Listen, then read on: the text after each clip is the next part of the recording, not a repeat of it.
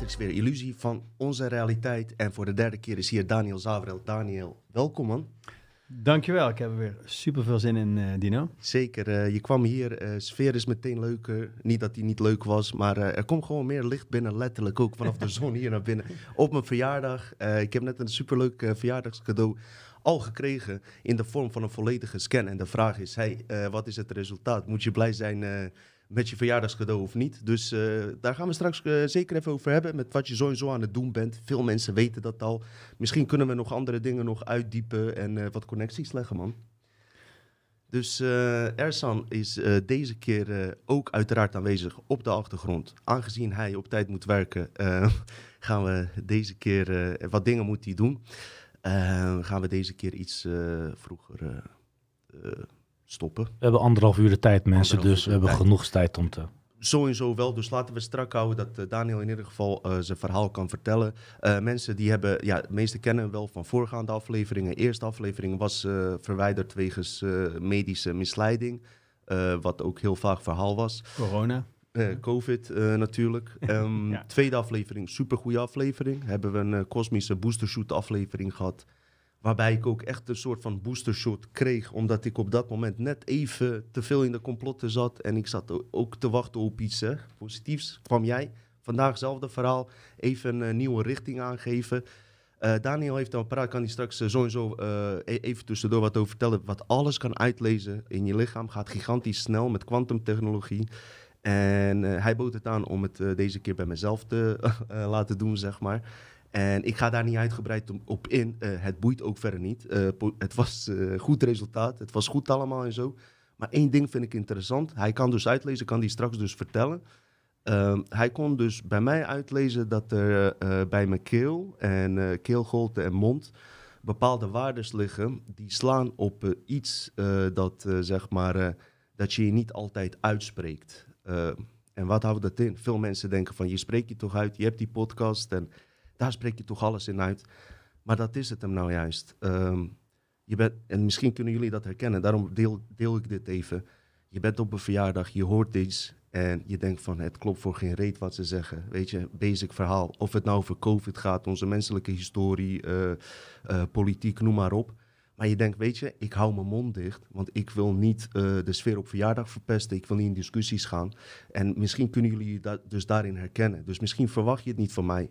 Maar uh, dat is dus ook echt mijn zwakke punt wat af te lezen was.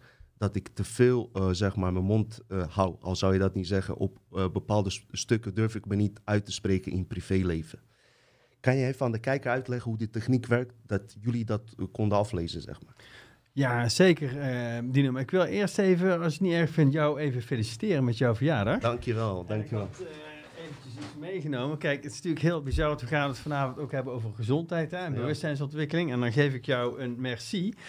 Maar het ging mij vooral om het woord, merci. Ja. Uh, omdat ik vind dat jij super werk doet. En het mag niet genoeg bedankt worden dat mensen die het lef hebben om hun nek uit te steken, die tegen de stroom in durven te gaan, die bewustzijn durven verruimen, die mensen hebben zo keihard nodig. Dus super bedankt. Dus op zijn Frans, merci. Dankjewel. En, en dat hartje doet het hem ook hoor. Dat, dat, dat, kan al die chocola compenseren hoor. Geen probleem. hey, super bedankt man. Graag gedaan. En bedankt voor die cadeau hiervoor. Want dat was echt een, uh, ja, gewoon uh, goed dat ik dat heb gedaan man. Nou, die scan was ook heel, uh, heel graag gedaan. En natuurlijk, hè, wij geven je nu chocola. En dan denk je nou gezondheid. Nou, één belangrijk ding wat veel, en dan ga ik zo naar uh, die uitleg toe hoor, uh, Dino. Wat belangrijk is voor gezondheid, is dat je af en toe ook een guilty pleasure mag hebben. Anders wordt, je hebt maar zoveel wilskracht. Hè? En mhm. soms mag ook gewoon de andere kant even gevoed worden. Dus een keer een chocolaatje of een keer een taartje. Want je lijf moet soms ook iets hebben om tegen te vechten. Anders, als je te verwend wordt, als je te klinisch wordt, dan... Word je zwak je zwak. Dus het is ook helemaal niet erg om... Ik noem dat altijd de 80-20 regel. Als je gewoon 80% gewoon goed in je basis zit, dus de goede keuzes maakt, dan mag je best wel 10 of 20 procent. Uh, Houdt dat ook in dat je zeg maar van de 100 procent, 20 procent best wel een keer seks zonder condoom kan hebben om weerstand op te bouwen? Daar zou ik wel mee oppassen. Oké, nou, oké. Voordat mensen het verkeerd begrijpen, weet je, die gaan er meteen misbruik van maken. Dus je hoort niet in alle gevallen is dat zo. Uh.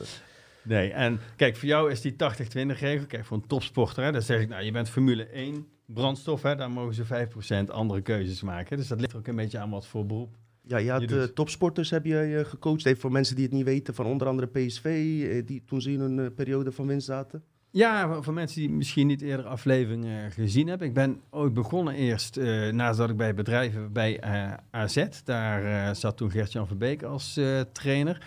Met deze eh, coach, deze scantechnologie. En later inderdaad bij, eh, bij PSV.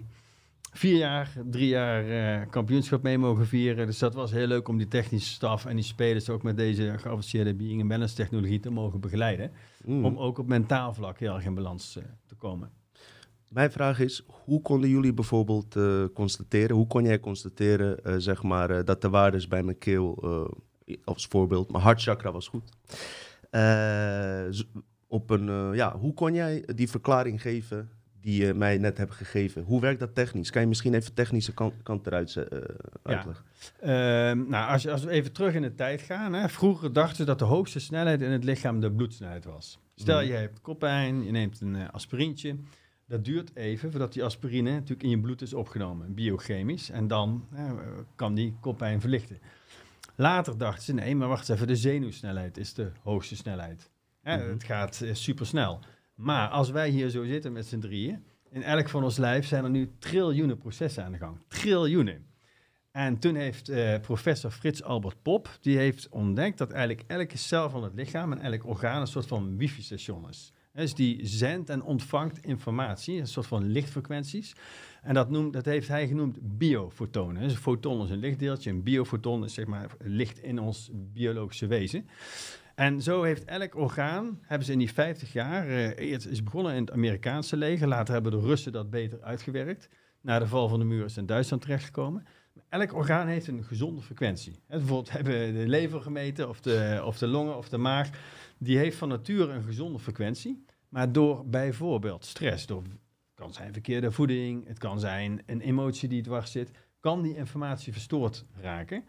En die frequenties die meet je met die koptelefoon. Dus die Mhm. fo- biofotonen gaan het lichaam en je lichaam reageert erop. Dat wordt omgezet en in die database zitten duizenden frequenties van zowel gezond weefsel als ziek weefsel, als voeding, als eh, bijvoorbeeld, eh, ik noem maar eens biochemische factoren. En dat wordt dan vergeleken met de meting. Dan bijvoorbeeld in jouw keel, je hebt een gezonde waarde, ik noem maar eens van de schildklier.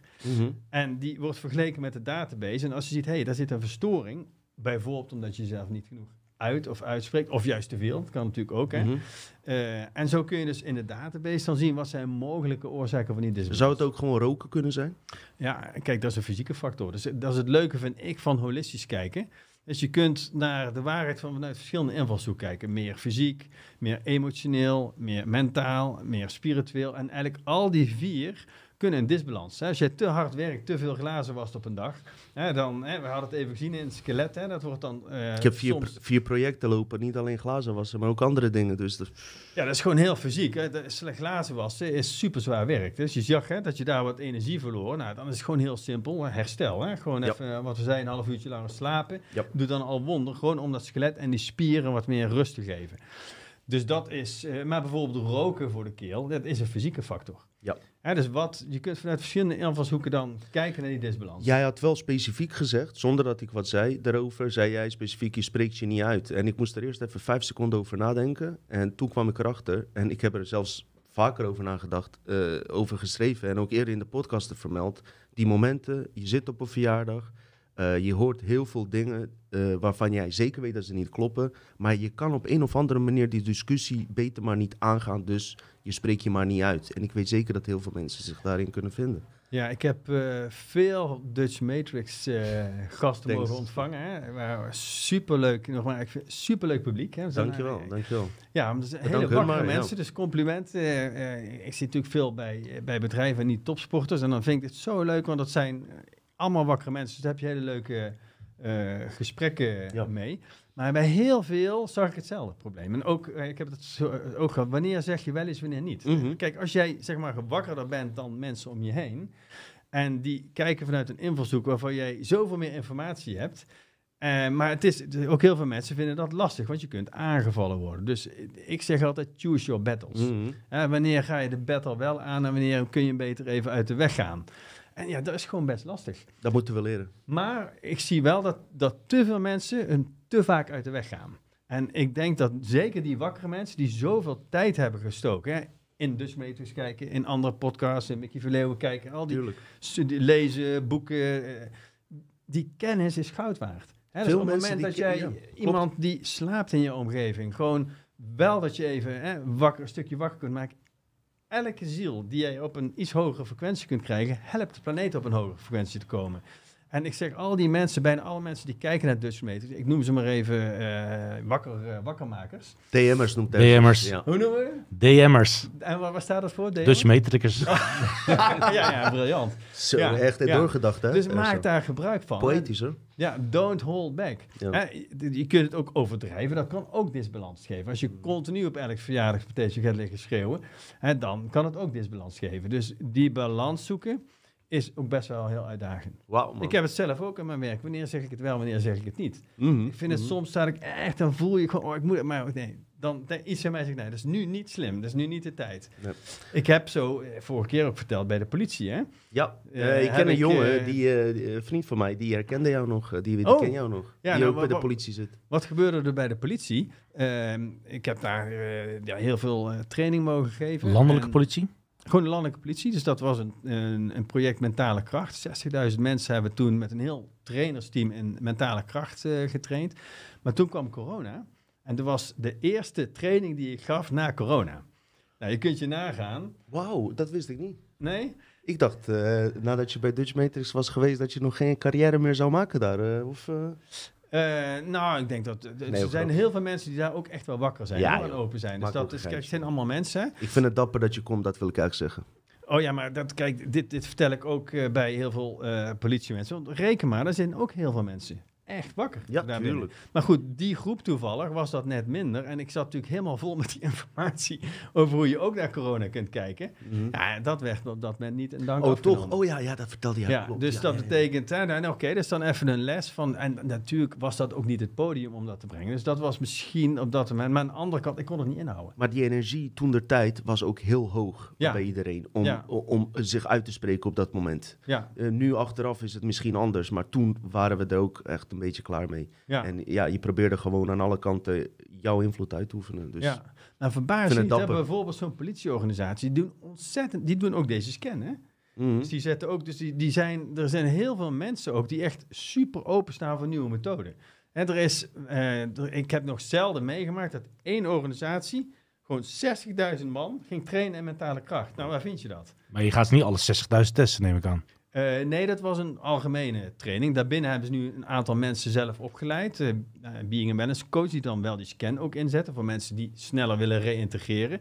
Maar daar staan ze dus wel voor open. En de korpsleiding heeft gezegd, nou, weet je, waarom niet? Laten we het gewoon eens ontdekken. Tuurlijk. Dus er is ook heel veel, dat is zowel als in elke organisatie, ook een enorme open mind. Is daar zeker ook aanwezig. Tuurlijk, we zijn En allemaal ik vind mensen. daar, 80% van de mensen die ik daar ontmoet heb, zijn gasten zoals wij hier aan tafel. Waar je een leuke gesprekken mee hebt, die open zijn.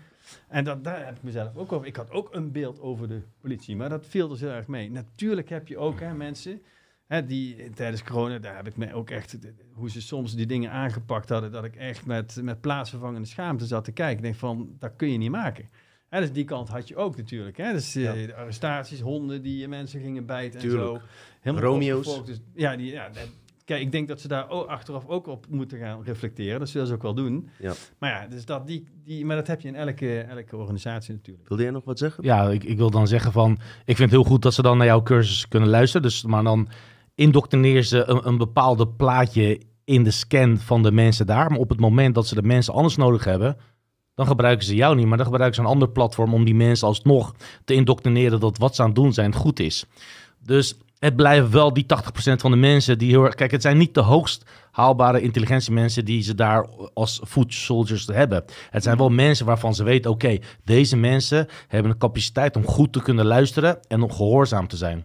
En dat moet ik wel eerlijk toegeven dat zo is. Ja, die kunnen ook intelligent zijn trouwens ook. Ze Eh, kunnen ook wel de meest intelligent zijn, welke maar intelligentie waar we het met Daniel over hadden, is het hartsintelligentie of eh, eh, mentale intelligentie, zit ook een verschil in. Maar ik wil even teruggaan naar Ja. iets. Ehm, ik probeer zelf ook overbruggingen te maken. Eh, ik vind het soms vervelend dat mensen in de conspiracywereld eh, al me- alle mensen in de mainstream zwaar afzeiken Alsof ze allemaal eh, in satanische orde zit, zitten. En dat geldt Mhm. ook voor de politie. Ik ben een persoon, ik heb trouwens ook vrienden die bij politie zitten. En zeg gewoon gerust, niet veel. net die 20% die wakker is misschien. Of, Ehm, ik denk dat het juist goed is dat jij daar zit en in die positie. En dat je ook hier zit. Kijk, ja, ja, helemaal eens. hè. Kijk, wat denk ik ook, de, wa- wat een superleuke uitdaging is, is juist bij die grote bedrijven een ander soort bewustzijn brengen. Al is, het maar op kleine schaal. Hè. Wat, wat ook een van de benaderingen is nu, zeg maar als, de, als we even die kabalpyramide hebben, hè, is dat, dat je bijvoorbeeld de onderkant steeds meer laat smelten. Dus dat net als een ijsberg die van de onderkant smelt, op een gegeven moment valt die top in elkaar. Dus als je heel veel aan mensen ook, zeg maar, eh, nou, aan de onderkant in ieder geval in de bredere lagen bewuster maakt hè, over wat er gebeurt, maar ook over gezondheid, over andere dingen, dan gaan zij bijvoorbeeld ook voelen, hé, hey, wacht eens even, eigenlijk is heel de wereld omgedraaid. Hè? Dus het, het justitiesysteem is eigenlijk corrupt. Eh, de gezondheidswereld, de farmacie, maakt mensen ziek. Eh, het onderwijs houdt mensen onwetend. En de overheid zorgt dat alles legaal is. Hè, dus dat zeg maar, op moment dat steeds meer mensen dat op simpele dingen gaan zien. Hè, bijvoorbeeld hè, dat je op een andere manier naar gezondheid kunt kijken. Hè, bijvoorbeeld simpel voeding. Hè, wat Hippocrates zei, hè, let food be thy medicine and let medicine be thy food. 80% van gezondheid, als jij gewoon voeding als medicijn ziet, heb je, heb je al heel veel dingen niet nodig om dat later te fixen. Maar omdat wij leren eh, gefixt te worden, de dokter die geeft je wel Ja. een pilletje, leren wij dat bewustzijn gemakzucht. Ja, maar als jij bijvoorbeeld, hè, nou, eh, bijvoorbeeld bij die politietraining om een voorbeeld te nemen, zat, zat een module voeding in. Mhm. Vonden ze super interessant. Dus als jij daar als 60.000 mensen leert gezond te eten en die vertellen het weer aan een omgeving, ja, dan uiteindelijk maak je wel een... eh, Dat ze minder donut eten. Dat ze wat minder donuts eten, of niet? Ja, Maar, ja. Eh, weet je, ook, ook, ook een voorbeeld. Ehm, ik ben ehm, eh, toevallig ook eh, eh, benaderd door eh, BNN. Dit wil ik elke keer zeggen. Ik weet niet of ik het de vorige keer heb gezegd. Nee, hè. Eén voorbeeld, hè. Eh, BNN die viel met, om met complotten. Eh, ik werd benaderd. Ik ga er trouwens niet heen. En Mhm. daarom is mijn verhaal nog sterker die ik nu ga vertellen. Ik ga om een andere reden niet heen. Eh, misschien in de toekomst. Waarom zou je niet een gesprek aangaan? Ook met de mainstream. Eh, weet Ja. je, ik weet dat ze ons vroeger. eh, ik ben de eerste die zei van. eh, ze gaan je framen en eh, noem maar op. Maar dat houdt niet in dat elk persoon daar met die intentie erin zit. Dus ik had die producer van eh Filemon. Hoe heet het programma? Filemon en Onmaskerd complotdenkers Filemon of zo, en weet de ik. Oh, ja, ja, complotten. ja, ja, ja. Nou, ik heb, ik heb die dame eh, eh, gesproken, de re- regisseur die, die die programma in elkaar zet. Hebben we best wel lang gesprek gehad. Ik zweer het je, ik had gewoon echt een goed gesprek met haar, Hmm. zoals jij en ik hier nu praten. Ja. En niemand kan mij verder vertellen, eh, eh, plannen, eh, kabal of dit en dat. Ik voel op dat moment wat voor gesprek ik met haar heb, weet je. En ik zie aan de ene kant, zie ik mensen die uitgenodigd worden, zie ik die hele BNN, Filemon en het hele programma zo zwaar afzeiken, dat ik mij afvraag, de manier hoe jij BNN afzeikt, vraag jezelf eens af of dat niet de draconische energie juist is.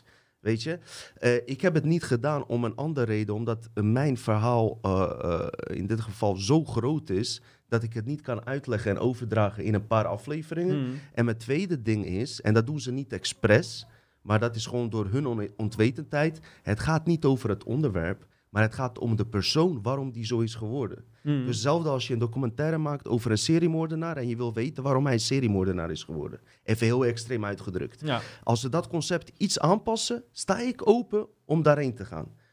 Ik heb eh, bijvoorbeeld, als ik daar kom, tuurlijk is het voor mij goed. Ik verkoop meer boeken, ik pak sowieso wat geld daar, daaruit en alles. Ik denk daar nuchter over na. Maar tegelijkertijd zeg ik, voor mij is het nu even niet de tijd. Maar jongens, ga niet eh, nu een eh, muur om je heen creëren door ook de mainstream buiten te sluiten. Als je kansen ziet en je ziet dat het goed kan verlopen. We hadden zelfs een deal gemaakt dat Filemon hier zou komen ook. Hmm. Eh, precies op het moment dat die, eh, die aflevering ui- uitgezonden zou worden, had ik een deal met haar gemaakt. Dat Filemon hier komt. En eh, als ze mij eventueel zouden flashen met eh, rare beelden en alles, dat ik het alles kon rechttrekken in die podcast. Zelfs daar gingen ze mee akkoord. akkoord. ik heb met Simon en Ersan besproken om bepaalde redenen. Bam, ik twijfelde eerst, zal ik het doen, zal ik het niet doen? Eh, Ik bespreek alles met deze twee jongens en eh, uiteindelijk heb ik het niet gedaan. Eh, en goed dat ik het niet heb gedaan, want dan komt dit verhaal wat ik net zeg misschien nog sterker over, dat ik niet uit eigen belang praat. Dus wij moeten ook niet onszelf gaan afsluiten en eigen wereldjes gaan creëren. Want dat kennen we al van religies. Snap je? Ja, en tegendeel. Ik denk dat dit zo'n superbelangrijk punt is. En dat geldt ook voor de gezondheidswereld. Hè? Bijvoorbeeld, eh, stel ik breek mijn been. Mhm. Nou, dan ga ik het liefst naar een Westers ziekenhuis, om eerlijk te zijn. Hè, die eh, kunnen dat supergoed, eh, Ik dat ook. been zetten, gips eromheen. En, dus daar is absoluut niks mis mee. En als ik zware kiespijn heb, ik had, eh, ik weet wel, drie jaar geleden was ik in Duitsland op zo'n seminar, had ik echt kiespijn. Dan is het toch even lekker dat je een pijnstiller hebt, kan ik je vertellen. Want dat is een hele zware pijn. Mhm. Kijk, eh, je hebt, eh, ik, heb, ik heb het eens een keer genoemd, hier volgens mij eerder dat boek, hè, Uw brein als medicijn, van eh Franse psychiater Servan Schreiber. Ja, even En- doorheen zoeken, even voor degene. hè? Ja, dat is, en hij werkte met artsen die zowel Tibetaans arts waren als Westers arts. En hij vroeg hen, wanneer doen jullie nou jullie Westerse geneeskunde, wanneer de Oosterse? En zij zeiden, ja, dat is eigenlijk heel simpel. Als iets heel acuut is, dan pakken we meestal de Westerse geneeskunde. Maar als iets chronisch is, pakken we onze Oosterse geneeskunde. Want zij zegt, ja, met de Westerse geneeskunde kunnen we niet echt genezen. Daar kunnen we heel goed symptomen mee bestrijden. Maar als Mhm. bijvoorbeeld iemand eh koppen heeft, een pilletje, maar heeft iemand migraine... En dan zitten daar vaak psychische factoren achter, leefstijlfactoren, spanningen. Hè, die we, en dan kijken ze ook naar, eh, naar ik noem maar eens de, de pols of de tong of welke methode zij dan, of kruiden, wat zij dan ook toepassen. Mhm. Daar hebben zij meer succes met die methode. Ze zeggen het een is niet beter dan het ander, maar het is zoals alles yin en yang. Kijk, als je alleen zegt yin is goed, hè, eh, dat figuurtje weet je wel, wit en, eh, en zwart, yin en yang, hè, dan is de andere helft dus niet goed. Dus de kunst is, zowel in de mainstream media, hè, yin en yang en alternatieven, dus dat, eh, om dat samen te nemen. Oké, ik heb nog even een eh, andere vraag. Eh, wat dat apparaat kan is zo gigantisch veel. Is gewoon je hele, eh, lijkt wel bijna persoonlijkheid en karakter uitmeten. Eh, bij mij gaan ook eh, andere fantasieën eh, los, of tenminste nachtmerries, is van als het in verkeerde handen komt. Even iets heel simpels. Ehm, stel je voor een verzekeraar, verzekeringsmaatschappij, heeft zo'n apparaat en gaat je helemaal uitlezen en ze zien daaruit dat jij eigenlijk slecht leeft en op grond daarvan jou niet een baan geven. Ik noem maar wat. Ehm, Mhm. een, ehm, eh, iemand wil de politiek ingaan.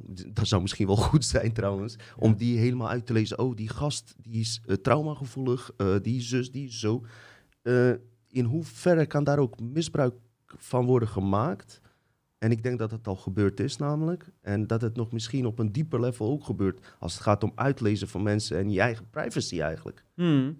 Ja, je kunt... Want het is een, eh, sorry dat ik, het was een astronautenproject van oorsprong. Ehm, ja, zou ik zo even uit. Dus je kunt een mes goed, goed gebruiken en je kunt een mes slecht Ja. gebruiken. Dus tuurlijk kan dat. Ja. Hè, dus dan, eh, in mijn geval hè, zal, zou ik daar dan heel erg dus voor waken. Hè, van waar en wanneer en voor wie zet je het in. Want we willen juist die frequentie van die planeet verhogen. Hè, dus dan moet je het op een goede manier inzetten waar het ook oorspronkelijk voor bedoeld is. Dus dat, eh, maar het kan. Hè. Ja. Je, je kunt ook, je zou van spreken, als je de verkeerde frequenties weet, kun je iemands leven juist helemaal voor gaas maken. Als je dat echt, als Ja. je die evil intentie zou hebben, hè, dan moet dat trouwens wel met medewerking van de ander zijn. Wat bedoel ik? Hè? Dus iemand die zich laat, die er open voor staat. Anders dan werkt het veel minder. Mhm. eh, om dat zeg maar iemand kwaad aan te doen. Maar het zou in theorie allemaal kunnen. Hè, dus dat is natuurlijk eh, ja, gewoon je, je normen en waarden kader. Hè? Dat je vanuit een positieve intentie iemand naar een hoger niveau wil helpen. Oké, oké. Ehm, zijn er nog bepaalde punten? Ik zie dat je hier ook wat aantekeningen hebt waarvan je denkt van... hé, hey, eh, dit wil ik zo en zo even kwijt. Aangezien we gewoon in een aflevering zitten die misschien eh, niet, niet veel langer duurt dan normaal gesproken. Misschien dat jij je punten zo en zo even naar voren kan brengen. Nou, dat je kijk, denkt wel, van, wat- is de reden dat je dacht van... hé, hey, ik kom nu naar Dutch Matrix. eh. Nou, wat ik, wat ik dus zie, hè, is dat, dat gezondheid voor heel veel mensen gewoon een heel belangrijk item is. En het is natuurlijk ook je basis. Hè? Als jij mooie dingen wil creëren in je leven en je bent gezond, gaat dat makkelijker en meer moeiteloos. En als je al heel veel energie kwijt bent aan een disbalans. Nou, laat ik even een voorbeeld uit mezelf noemen. Ik ben yogaleraar en ik heb jarenlang kopstand gedaan. Dus zeg maar letterlijk op je kop staan. Hè? Maar terwijl ik nekklachten had. Hmm. En ik ben daar eigenlijk, dus ik dacht, nou weet je, dat moest ik dan van mezelf. Maar op een gegeven moment eh, heb ik dus artrose gekregen in mijn nek. Hè, doordat ik zelf dacht, eh, dat is gezond die kopstand, dat moet ik vooral blijven doen. En nou zijn er miljoenen mensen in de wereld die kunnen kopstand doen zonder dat ze nekklachten krijgen. Maar ik heb er artrose voor gekregen. Hmm. En eh, dus daar ben ik nu zelf aan het. eh, dus ik heb nu een hoofdstandbankje, zoals het heet. En dan hangt je nek vrij en dan heb je precies dezelfde effect. Dus nu ben ik mijn nek aan het helen, ook met mijn eigen apparatuur, met de gezonde frequentie. Het gaat nu wel de goede kant op. Maar, dus, maar dat betekent dus als je daarmee bezig bent, dan is er dus een, een afleiding in je systeem die je niet kunt gebruiken, die energie op dat moment, om bijvoorbeeld een andere creatie, ik noem eens je bedrijf uit te bouwen. Mhm. Of andere mensen positief te beïnvloeden. Dus als je met je gezondheid sukkelt, is creëren gewoon in het dagelijks leven veel moeilijker. Oké. Nou, en eh, wat ik ook wel zie, is dat, dat ik, al, ik deed dat vroeger ook, dat te veel mensen zeg maar bezig zijn met de hemel en te weinig met de aarde. Hmm. Terwijl ik denk, waar het nu juist te halen is, is op de aarde. Ik noem dat zweverigheid. Ehm, ja, een beetje Daar zweven ben je is helemaal niet erg. klaar mee. Ja, nou ja dat, dat is goed om daar eens even over na te denken. Kijk, een beetje zweverig, hè, van, in de zin van durven dromen, is super. En dat doen we ook te weinig dromen. Maar waar heel veel mensen zijn niet bang voor de dood uiteindelijk, maar ze zijn bang voor het leven. En de grote truc is, kan ik hier op aarde, zeg maar, helemaal mijn frequentie op, op de hoogst mogelijke manier krijgen. En dan heb je de meest positieve impact. En dat wil het systeem juist voorkomen. Ja. Hè, en daar, dus natuurlijk is het heel belangrijk om te praten over krachtvelden en wat er allemaal is. Maar vooral, hoe, hoe is jouw relatie met de mensen om je heen? Mhm. Eh, hoe, eh, hoe is jouw dagelijkse energie? Hoe is jouw frequentie? Dingen die jij zelf direct kunt beïnvloeden. Wel, Elke dag bijvoorbeeld voeding, daar wil ik het zo eens even over hebben. Je kunt bijvoorbeeld al eten op zeven bewustzijnsniveaus. Mhm. En je kunt bijvoorbeeld, het is heel makkelijk, ik noem er iets, ja, om even, en ik vind het super gaaf ook om eens te lezen van, eh, nou, hoe, eh, hoe, zitten, hoe zitten reptilians bijvoorbeeld eh, in elkaar, hè? En hoe zit die machtsstructuur? Maar als jij vervolgens het Nou, heel die moeilijk... mensen. Nee, Wat zeg je? die eten mensen meestal. Nee, een grapje. nou ja, Nee. over dieet gesproken. Nou, grapje. Ja, nou ja, daar- Alleen vegetarische mensen kunnen ze beter eten dan, hè? Is dat zo, ja? Ja, voor hun... eh, ik denk dat het voor reptiliërs beter zou zijn als ze vegetariërs Oh, dat, eten. zou, dat Ja. zou zomaar kunnen. Als ze mij ja, is beter voor hunzelf, denk ik. eh. Ah, ik, sorry, ik ken dat verhaal natuurlijk, hè, van hoe heet die, eh, die daar veel over gesproken heeft. Ik ben even zijn naam kwijt. Die Amerikaan? over Andromedanen en zo sprak. En reptilians. die mensen- Alex Collier. Alex Collier, ja precies. Die heeft die, hele oude video waarin hij Ja. daar al over spreekt. Hè? Dus inderdaad dat, dat zij mensen eten en zo. Ehm, maar dat is bijvoorbeeld nu een voorbeeld. Hè? Dan hoor je dat, daar kun je ook bang van worden. Hè? Maar als je daar te veel aan blijft hangen en vervolgens in jouw dagelijkse keuze met jouw voeding hè, eh, eet jij bijvoorbeeld heel veel ongezonde dingen, waardoor jij bijvoorbeeld je tempel verzwakt, hè, waardoor je je mind verzwakt. Want elke cel, eh, daar is jouw, de kwaliteit van jouw mind, je geest komt daarin terug. Dus als jij slechte brandstof bijvoorbeeld in je lijf giet, zul je ook minder helder gedachten hebben. En wat we nou nodig hebben, is in het hier en nu heldere en frequente en hoogcoherente gedachten. Want dan maak je direct eh, de impact in jouw omgeving. En als genoeg mensen dat doen, wordt die frequentie van die aarde superhoog. En dan is die lage frequentie, en noem het maar van diezelfde reptilians, die zich voeden hè, met die louche, waar je het ook over hebt, schuld, schaamte, angst, Ja. paniek.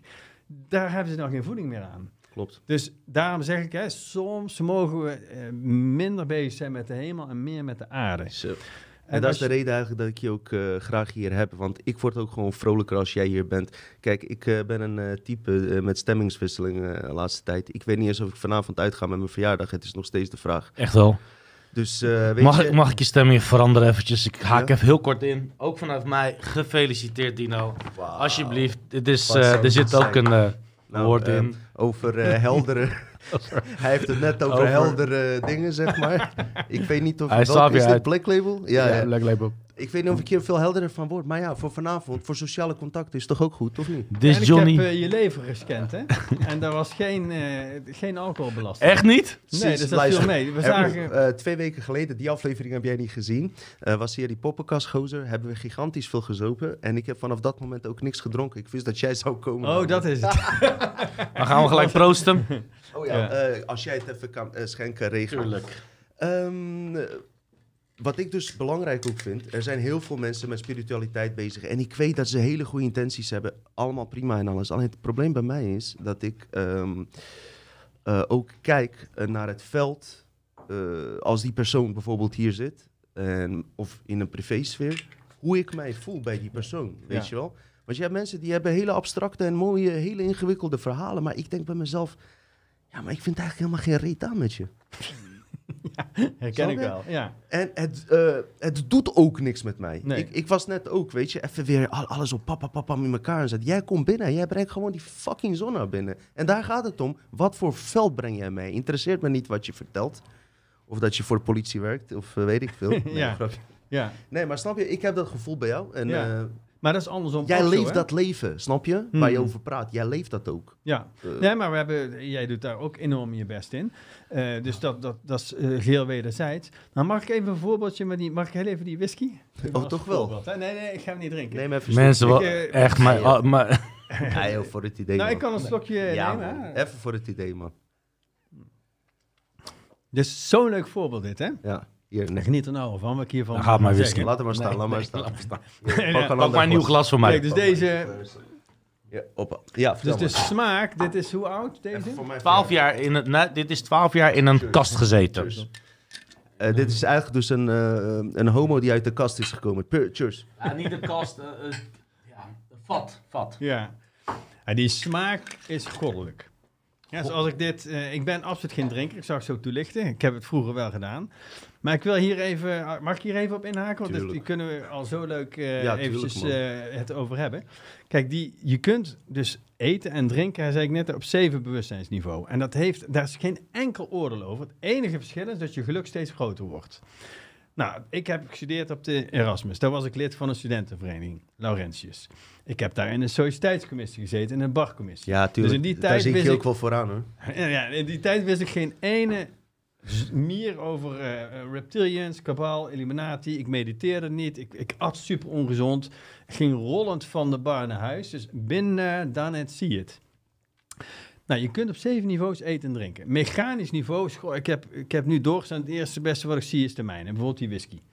En, eh, of ik pak iets uit de koelkast en ik zie ook, is een vette frikandel die ik daar nog had liggen van gisteren, die, dat is de mijne. Dus dat geluk is dan net zo lang tussen het eten en dat het verteerd is, zeg maar. Klopt. Dus dat is even een kort geluk. Niks mis mee, daar zit geen enkel oordeel over. Dat is even belangrijk. Nu kun je een niveautje breder gaan, dan ga je iets langer genieten. Hè? Dan pak je zo'n whiskietje en dan nou, die geuren. Neem maar, hoor. Neem maar. maar. Super lekker. Geef even een voorbeeld. We willen nog een Dus keer die voorbeeld zien. het maar. ruikt lekker toch, Kom hè? maar, vind ja. ik wel. Dat is een goede blend. Ja, laat maar Nou. zien. Hoe gaat het? kleurtje. Dus nu ben ik van mijn zintuigen aan het genieten. Dus dat duurt al langer, want ik, eh, ja, dat is een, en dan denk ik, hè, het hele proces wat hierachter zit. Nou, en dan neem ik bijvoorbeeld een slokje. Smelt op de tong. Hè? Geweldig, man. Dat is eigenlijk net als met vrijen. Niet te snel, gewoon rustig. Ja, nou Neem ja. je tijd. Mindful drinken. Eh, Jonko rollen. Niet zo eh, psychisch rollen. Rustig. Met liefde. Ja, dus dat is zintuigelijk niveau eten of drinken. Oh. Dat duurt al langer het geluk dan het mechanische. Nou, nog meer geluk is oké dat je ook het emotionele niveau erbij gaat betrekken. Hè. Leuke connectie, we zitten hier, gezellig gesprek. En dat is een moment. Waarom willen mensen gaan koffie drinken met elkaar of een drankje? Ook vanwege de gezelligheid, de emotionele contact. Hè? Of Yep. bijvoorbeeld, hè, was, jouw, was, jouw, eh, was, jouw, was jouw etnische achtergrond... eh, hij is aan Italiaan. Ik ben een wereldmens. nee, maar was jouw Mijn ouders, eh, eh, ik, ik kom, eh, mijn mijn ouders komen uit Turkije. Mijn moeder is meer eh, Grieks-Turks. Eh, mijn, va- eh, mijn vader is meer dat, dat donkere, wat meer dat En ben je Turks. eerste generatie of tweede? Ik ben tweede generatie. Oké, nou stel, hè, je, stel Tweede, jouw derde. ouders kwamen... Derde hier generatie. en- Mijn opa was hier ook. Oké. Zo. Mijn vader kwam hier in 1963. Vandaar. Oké. joh, Ja. Nou, en mijn vader- opa was ervoor. Mijn vader is Tsjechisch, hè, mijn natuurlijke vader. Dus die is ook vanuit Tsjechië hierheen gekomen. Mijn moeder was Nederlands. Maar waarom zeg ik het nou? Hè, dan kan je bijvoorbeeld, stel je ouders die denken, nou af en toe eens naar een Turks restaurant, even back to basics, hè, wat ze gewend zijn. Dat is dan de emotionele component. Dan is het weer even thuiskomen. Ja. Dan is het nog langer genieten. Nou, dat, en ongeveer 90% van de mensheid eet op een van die drie niveaus. Mechanisch, zintuigelijk of emotioneel. En daar is dus niks mis mee. Maar je kunt nog een stapje hoger gaan. En dat is dat je gaat eten op intellectueel niveau. En intellectueel niveau ga je nadenken. Wat eet of drink ik eigenlijk? Wat stop ik nou eigenlijk in mijn lichaam? Dus je kunt kijken naar koolhydraten, naar eh, eiwitten, naar eh, suikers, naar vetten. Eh, maar ook bijvoorbeeld, bijvoorbeeld deze whisky zal ik nou niet verder gaan drinken. En ik zal ook uit, uitleggen waarom. Dus op intellectueel niveau. Mm. Dus ik mediteer veel, doe heel veel yoga. Voor mij is het nu een straf, letterlijk een straf, om dit op te drinken. Ik zal je vertellen waarom. Ik ben benieuwd. Over een half uur krijg ik een mist in mijn hoofd, Mhm. verdwijnt mijn helderheid. Dus Mhm. dan krijg ik een soort van, dan word ik gewoon letterlijk minder helder, minder scherp. Dus voor mij is dat, ik heb het vroeger allemaal gedaan, wat ik zei. Hè? Nee, geeft niet. Dus op intellectueel niveau neem ik nu de beslissing, ja, maar wacht eens even, straks dan word ik daar een beetje eh, foggy van in mijn hoofd. Sommigen vinden En je dat moet ook rijden, hè? En ik moet rijden, dus ook intellectueel. Sommigen vinden dat juist super lekker. Hè? Dus, nou, be my guest. Hè? Dus op intellectueel niveau neem ik die keuze niet. Hè? Dus dat is dat je eigenlijk op een wat breder niveau gaat kijken, wat eet ik nou eigenlijk zo? dag? Maar wat heeft die half uur daarna mee te maken? Dan beseft hij zich dat toch? Eh, dan komt dus Dat dat die besef- beseffing. Als En dan, en dan als- krijg je een beter voldoening dan de voldoening die je zou hebben gehad om het gedronken te hebben. Nee, ik word er mistig van in mijn hoofd, waardoor ik minder helder kan nadenken. Ja. Ja, ja. En dus eigenlijk me minder zegt. lekker voel. Oké, Hè, dus ik voel dus- me er niet lekker, ik voel me er minder lekker door. Want ik heb dat wel eens dan met bijvoorbeeld een, een guilty pleasure, een stuk chocola, dan wil ik het, dan doe ik het niet. Mhm. Dan kan je of heel zagrijnig worden, maar ik probeer me dan eh, te motiveren. Een uur later, hey, wat goed hè, dat ik het niet heb gedaan. Ik ben 8 kilo afgevallen, ik moet nog meer. Zo. Maar ik weet wel dat 99% op deze aardkloot eh, emotionele eters zijn. Ja. Niemand Ja. eet om te Ja, overleven. Ik Ja. ook. En Ja. ik durf te wedden dat 90% van de voedsel wat we nu hebben, kant-en-klaar voedsel, dat dat 60 jaar geleden niet bestond. Mhm. Eens, eens. Maar die stap is dus best moeilijk. Kijk, jij hebt Nou, even de, op dat moment... even eentje dan voor mij. Niet dwingen, want hij- je gaat hem nu proosten. Ja, over niet. proosten. Ja. Ja, nee, maar kijk, dan heb jij dus op dat Zeker moment een intellectuele keuze gemaakt. Van, ik pak dat chocolaatje nu even niet. Dus dat is een bewuste keuze, toch? Ja. Nou, dat is eten op intellectueel niveau. En waarom is dan je geluk groter? Omdat je gewoon bijvoorbeeld dan die witte suiker even niet binnen hebt. Je hebt je concentratiebogen is Je hebt het langer. niet nodig. Je voelt je langer, je krijgt minder dat yo-yo-effect. Dus je geluk breidt uit. Nou, dan kun je ook nog eten op sociaal niveau. Hè, dan wordt je al wat... eh, al, al Dat wat zijn die eh eh, kaasstengels met eh, Nederlandse vlaggetjes met kaas. ik krijg dan een, een, een, een, ja. Dat je met mensen gaat een eten. leuke vraag. Dit is wel interactief, dus sorry dat ik gelijk heb. Maar iemand zegt dan, eh de Void zegt dan, waarom een straf? Je bent toch in het leven om dingen te ervaren en te genieten met mate. Als ik een goed, als, als zo goed zou willen zijn, had ik, zou ik hier niet leven, incarneren, inloggen of hoe je dat dan ook noemt. Goeie vraag. Ja, ik vond hem zo goed dat ik je ondersteunde. Nee, ja, ja, nee, kijk, er is dus niks mis mee om op zintuigelijk niveau af en toe te eten. En genieten. Ik geniet ook van heel veel dingen. Toevallig geniet ik hier niet van, omdat ik weet, hè, wat ik net zeg, over een half uur krijg ik die mist mijn. Van mijn Voor mij- verjaardagscadeau voor hem. Nee, oké, Maar sorry. bijvoorbeeld voor jou, of voor jou, denk ik, nou, pak dat whisky. Is individueel. Dat is heel individueel. Precies. Hè, precies. Dus eh, absoluut, joh, je bent hier om te genieten. Alleen, wat is genieten? Dat is een interessante. Kijk, genieten is voor mij zo gelukkig mogelijk zijn. Op een zo lang mogelijk moment wat ik kan beïnvloeden. Je kunt niet alles beïnvloeden. Dus voor mij is op dit moment genieten het niet nemen. En dan denk je van, wat is korte termijn genot voor mij? Hoe lang? Hè? Misschien niet 10 minuten dat ik ervan geniet. En dadelijk word ik er chagrijnig van. Ja. Misschien wel een half uur. Dus die, die afweging. Dus ik heb er minder, eh, minder last van dan plezier in mijn geval. Maar Precies. bijvoorbeeld voor jullie, denk ik, joh, hola die, ik heb er heel de avond plezier van. Nou, doen. Duidelijk. Hè, dus dat is voor iedereen anders. Hè? En sowieso, hè, voeding is voor mij altijd trial and error. Hè, je hebt zoveel verschillende boeken, diëten. Ik heb ze heel veel gelezen. En soms hè, beweren ze pal het tegenovergestelde. Maar goed, ik was even... Je kunt ook sociaal eten. Nou, sociaal wil zeggen... Laat ik bijvoorbeeld een voorbeeld nemen. Hè, dat is dan eh, over veganistisch eten. Hè. Daar kun je van alles over vinden of denken. Maar je zou kunnen zeggen... joh, als ik nu bijvoorbeeld voor mijn genot een koe zijn nek omdraai dan zou ik daar, niet iedereen heeft dat, maar ik wel, zou ik daar een schuldgevoel over kunnen krijgen. Want ik kan in plaats van die koe, kan ik bijvoorbeeld ook, ik noem maar eens, eh, andere dingen eten. Ja, dat maar, is een gevoelig onderwerp. maar ma- mag ik jou dan een vraag stellen waarom Ja. wij snijtanden hebben? Eh, ik zeg ook niet dat je geen vlees moet eten. ik zeg dat je het intellect hebt meegekregen om onderscheidingsvermogen te, te hebben. Hè? Dus wij zijn het enige wezen op deze planeet die onderscheidingsvermogen heeft. Hè? Een tijger die heeft het onderscheidingsvermogen niet. En heel, heel zijn gebit is sowieso uitgerust om vlees te eten. Maar wij kunnen ook bijvoorbeeld planten eten. Het hoeft niet, maar we kunnen het wel. En dus we hebben een, altijd een keuze, maar daar zit geen waardeoordeel op. Het is wat geeft jou geluk. Ja. Hè, dus het geeft mij geluk als ik die koe niet zijn nek omdraai, want dan heb ik geen schuldgevoel. Dan denk je, joh, die koe die zit nog lekker in de wei. Heb je ooit wel eens een koe in de ogen gekeken? Ja. Nou, wa- wa- wat zie je dan? Welk- eh, welke standje ja, was het? Je dan ik. nee, ik heb, ik heb zelf eh, met slagfeesten dus echt eh, zelf Oh, ja. de, de, de, de, de, de, de offers, dus eten en drinken Ja, ja. geven, en het moment meegemaakt. Dus ik, ik ken het stuk van dier naar eten volledig. Dus ook het slachten, het bereiden, Zelf het snijden. Zelf niet geslacht, wel erbij Oh. gestaan. Mhm. Kijk, want de me- meeste mensen huren moordenaars in. Hè? Huurmoordenaars, om maar even te zeggen. Als je naar de Albert Heijn gaat en je eet je biefstukje... dan heb je eigenlijk een huurmoordenaar eh, ingeschakeld. Die heeft dat voor jou dan gedaan. Hè?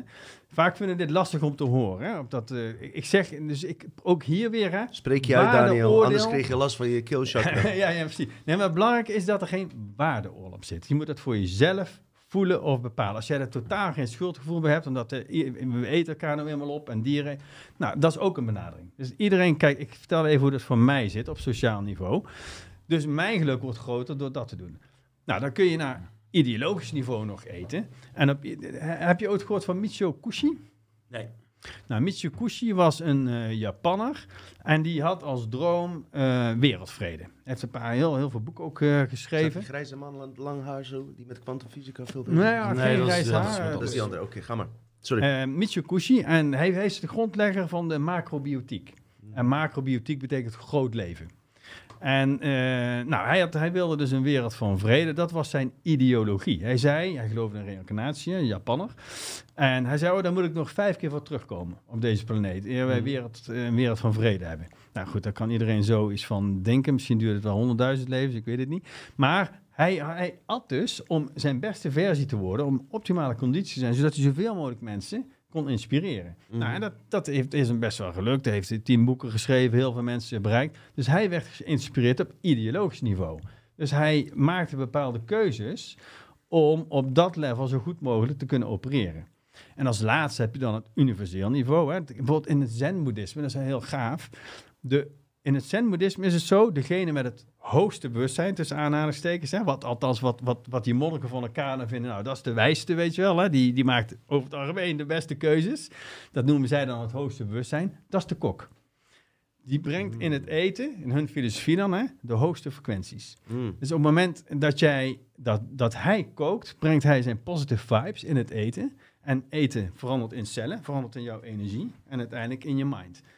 En dus vandaar mag in dat zen, in die kloosters, mag alleen, de kok is de allerbelangrijkste. Daar staan wij helemaal niet bij stil. Dat is degene die alleen naar het eten mag komen. Mm. Bij de Hare Krishna's, wel eens gehoord van de Hare Krishna's? Ja, ja, ja, zeker. die chanten de Hare Krishna mantra. Hè, dat is eh, Hare Krishna, Hare Krishna, Krishna, Krishna, Rama, Rama, Rama, Rama. Dan zie je lekker dansen en zo. Hè. Maar die chanten dus die mantra tijdens het koken. Om dus ook weer in hun filosofie die hoge frequenties erin te brengen. Bij ayahuasca voorbereiding, alle drie keren dat ik daar was, eh, vertelde die eh, dame die het voorbereidde, dat ze echt op een energetisch level die dingen, zeg maar, samenmengde, die eh, planten bij elkaar. Ja, ja. stuurde ze echt haar ener- energie, zeg maar, erin. Heb je ayahuasca gedaan? Ja, drie keer. Ja, ik ook iets van vier keer. Serieus? Ja, ja. Wauw, dan hebben we meteen iets. Laten we deze shit meteen doorbreken waar je het over had. Vertel over je ayahuasca-ervaring, man. Ja, Toch nou ja. of niet, mensen? Sorry. Ja. Eh, even tussendoor. Eh, niet dat Daniel daarom vroeg. Eh, wil je wat meer weten? En je kan straks je dingen kwijt door Geintje. Vertel maar verder. Ik maak maar een gein. Beschrijving, Ersan zet erbij. Mocht je ook zo'n test willen doen. had je nou nog steeds kortingsactie of ben je ook gierig geworden? Nee, nee, uiteraard. Ik kan, dus dat, eh, nee, ik, ik heb zoveel leuke mensen ontmoet bij Dutch Matrix. en die mensen die dus hè, ja. helpen om zeg maar eh, fysiek, emotioneel, mentaal, spiritueel in mijn balans te blijven. Om zijn hart onder de riem te steken, tuurlijk. Hè, dus dat ik nog steeds een verse, eh, forse korting. Dus in plaats van eh 275 kan ik, wil ik dat nog steeds voor 195 euro aanbieden. En wat moeten ze dan, eh, welke code? Eh, nou, als Zes je en dus zes? www.beingandbalance.nl oh, dat is beter. of mij een mailtje sturen, daniel.beingandbusiness.nl en dan even noemen, Du- dus alleen voor Dutch Matrix publiek. Prima. Dus Eh, code Dutch Matrix. Gewoon zeggen dat je via. Dutch Matrix komt, dan kun je net als eh, de anderen die al bij mij geweest zijn, dat met een forse korting eh, Ik heb geen- ervaren. Ik heb een paar vriendinnen die heel erg positief waren. Ja, oh, ik heb- waar? En eh, wil- wie, wie ja. bijvoorbeeld? eh? Dat ga ik niet zeggen. oh nee, oké. nou, maar fijn dat ze positief waren. zijn guilty pleasures. Eh, ik, ik zeg, eh, Ayahuasca hadden we het over. Ja, maar ik wil even van tevoren zeggen, ik heb ook geen enkele belang, ook- of weet je wel, met Daniel of een of andere samenwerking. Ik was best wel onder de indruk van die techniek, omdat je gewoon binnen, eh, pam, en het was uitgelezen.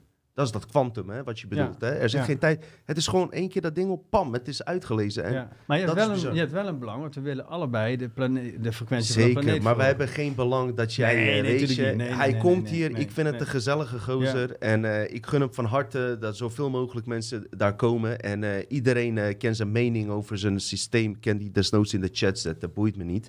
Maar ayahuasca, man, daar verras je me mee, man. Ja, ja nou, het, zit, het zit absoluut in mijn eh, top 5 ervaring van mijn leven. Wauw. Ja, ik vind het fenomenaal. En ehm, de laatste keer was trouwens ook best wel scary, moet ik eerlijk zeggen. Dus dat eh, zal ik zo. Ik zal eerst even de. Hoe kwam je erop? Nou ja, hoe kwam ik daar eigenlijk op? Dus inderdaad een goede vraag. Nou, een, een, eh, volgens mij eh, een vriendin van mij die deed dat al een keer. En eh, toen was ik daar enorm door getriggerd. Mijn vrouw heeft het een keer gedaan. En eh, ja, dus ik, ik heb toen mijn eerste keer, dus ik had, ik vond het, ik moet eerlijk zeggen, ik vind het het vieste drankje ever. Niet normaal. Het is niet te harde. Dus ik, eh, nou, ik heb tegen, tegen heug en meug eh, opgedronken, zeker die eerste keer. Maar dat was in een kerkkapel in Amsterdam. Ik vergeet het nooit meer. Dus ik die, eh, die shit naar binnen werken en ah, niet te houden natuurlijk. En zo'n kotsbak ernaast, hè. Want Ja. je moet natuurlijk, hè, dat noemen ze dan de, de purification. Ja, dan gaan al die stralingen eruit. Ja. 5G, 6G, Ja. Black Goo gaat eruit, alles. Nou, en ik heel stoer. Ik dacht, ja, weet je, ik hoef toch niet over te geven. echt niet. Echt Ik niet. ben een ga spirituele overgeven yogaman, natuurlijk. Tuurlijk, ik ga niet overgeven. Hè. Nou, forget it. Dus nou, op een gegeven moment, na een half uur kwam dat. Ik kon het niet inhouden. En ik was de eerste. In, het was een stille kerk, hè. Mhm. En... En dat ging door heel die kerkkapel heen. Ik dacht, what the fuck, wat gebeurt hier? Je hoorde En, zo eh, echt die echo van je kots zo. Jeetje, ja, man. En dat gaat dan hard, weet je wel. Dat, eh, je Ja. kunt het niet inhouden. Nee, Al die shit komt Maar het is eruit. goed, het is goed. Ja, het is een purificatie Sommigen moeten ook echt een grote beurt doen, hè? Wees blij dat dat niet gebeurt. Nou ja, het is een cleaningsproces, hè, die Ja. ayahuasca. Maar toen kwam ik in die super gave vibe, weet je wel. Dat, al die dingen. En Kan ik je heb, beeldend even vertellen wat je ervaarde? nou ja, het was meer een staat. Ik, ik heb op het laatst, heb ik gewoon echt letterlijk acht uur gewoon als een, als een soort van boeddha gezeten.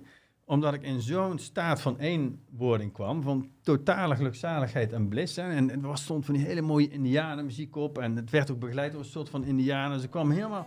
En wat ik toen enorm miste, ik dacht, wat, de wat ben ik toch serieus geworden? En eh, hoe, eh, dat, dat, je in zo'n andere realiteit kan. Oh, zo kan het ook, weet je. Een soort van samen om een soort van vuurtje. Op een hele diepe manier spiritualiteit eh, met elkaar verbinden. En helemaal uit die shit-matrix. hè, Want je, je plukt natuurlijk direct uit de matrix. Hè. Je komt, ja. en dan snapte ik ook, ik weet helemaal niks. Dat, dat was mijn... Had je een intentie voordat je deed? Nou ja, eh, nou ja, de intentie was purificeren. En, eh, Was purificeren, ik kom uit eh, Bosnië. schoonmaken. Dus van- van binnen gewoon dus wel fysiek. Dit was één seconde. Wat is er dan? Normaal, ja. Oké, vertel. Ja? Ja, eigenlijk gewoon ja, cleanen op alle levels. Hè? En eh, hopelijk eh, bewust worden. Maar wat mijn belangrijkste takeaway, zoals het noemen, was dat, ik gewoon, dat je gewoon helemaal niks weet. Dat, dat, ik kwam erachter dat het zo groot is wie wij in essentie zijn, dat we eigenlijk in ons dagbewustzijn, maar zo'n kleine fractie, die, die gecontroleerde frequentie van die matrix, natuurlijk alles wat we kunnen zien, horen en voelen, is een belachelijk kleine, eh, klein onderdeel van het totale frequentiespectrum. Dus wat wij nu zien en horen is maar zo'n klein deel van de realiteit. En met die ayahuasca kwam in een enorme grootheid. Ja, ik vind het fenomenaal. En die wereld waar je in zat. ehm, ik had het gevoel jij, alsof dat de echte wereld was. ja, En dit slechts, wat je zegt, eh, ik- bij mij eh, werd het gezien, niet letterlijk hoor, maar een soort, soort van cartoon movie in een eh, heel ingewikkeld ja, filmspel met miljoenen programma's, waar even een cartoon movie aarde tussendoor speelde. Maar tegelijkertijd ja, ook super belangrijk. ja. Weet je, eh, dat contrast, contrast. Maar wat ik dus had, die wereld waar ik in was beland, die was ook veel echter dan deze wereld. Had je dat ook? 100 procent. Dan, daar, dat, dat is nou precies wat ik miste. Ik dacht, jeetje man, dit is wat het echt is. En daar wil Ja. je gewoon in blijven, weet je wel. En die Ja. bliss en die totale, dat gevoel van liefde, dat je hart helemaal open ging. En, eh, maar goed, er zijn ook mensen die een hele andere trip hebben natuurlijk. Ja. Want mijn laatste, wat ik zei, vond ik super scary. Ik had, was heel gaaf, ik had een hartslagmeter om. Want ik was, ik, had- ik was toen mezelf drie dagen mijn hartritme aan het meten. Dat Oh, een- misschien was dat al een fout, eerlijk gezegd. Denk het wel. Dat is te matrix dat je dat meeneemt. Dat is, eh, sorry dat ik... Ik wilde al vragen, hoe ging je erin? Ging je er heel erg rationeel in Ja. of met een open mind? Nee, het ging mij niet. Ik had toevallig. ehm, dat ik wilde gewoon. eh, ik doe heel veel met hartcoherentie, hartcoherentie meditatie. En als je dan bijvoorbeeld, je kunt een vierdaagse meting doen om gewoon te kijken hoe zit ik in mijn hartritme variabiliteit. Hè, net als dat je Apple Watch. Dus het had helemaal niks met je ayahuasca te maken. Het punt was alleen dat op dag drie stond mijn ayahuasca-sessie gepland. Oké. Maar ik denk, ik wil dat ding niet afdoen, want dan mis ik een dag, eh, dag gegevens. Mm. Maar wat gebeurde er? In die ayahuasca-sessie had ik op een gegeven moment super angst voor de dood. Dus ik dacht, echt, ik ga, ik ga letterlijk dood hier. Ik kwam in een hele diepe...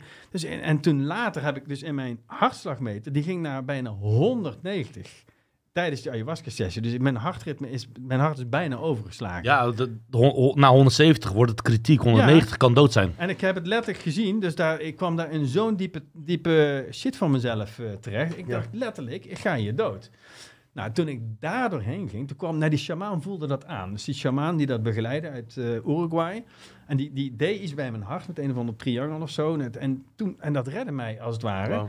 En toen ging ik weer open. En toen kwam ik in die volgende laag. Hè. Eh, Soms moet je eerst door de shit, hè. Net als in Zag je ook die geometrische figuren en van die kermisachtige... 100, oh, bizar. En, en Oh, die clowns Ja. en zo. Eh, eh, toevallig, ik had dit een keer gedeeld met Martijn van Staveren en hij weet dat exact te omschrijven. Hij zegt dat er werkelijk werelden bestaan en ik dacht dat dat fictief was. Gewoon cartoonachtige werelden die echt bestaan. Hmm. En er zijn mensen, en daar heb ik een zo'n sterk voorbeeld van, kan ik helaas niet eh, over praten, omdat het te maken heeft met iemand uit de organisatie waardoor ayahuasca verboden is. Ja. Diegene eh, heeft me daar iets over verteld, maar er zijn mensen dus ook verstrikt geraakt in die cartoonwerelden. Echt waar, Dat is zo fucking bizar. Bizar, zeg. Ja, hier moet je kijken. Ja. Ah, man, Dat is man, mis- man. Maar ja, weet je, we weten zoveel niet. Hè? Dus eh, ik sluit gewoon, ik heb geleerd, ik sluit niks meer uit. En dat vind ik heel mooi van Ken Wilber. Hè? Dus die, ken je Ken Wilber? Die, Nee man, die- ik wil gewoon die ayahuasca horen man. Eh, Ik, ik zat er net lekker in man. Ja, nee, maar daar wil ik ook over doorgaan. Ja, Ken Wilber is een, is een filosoof, hè?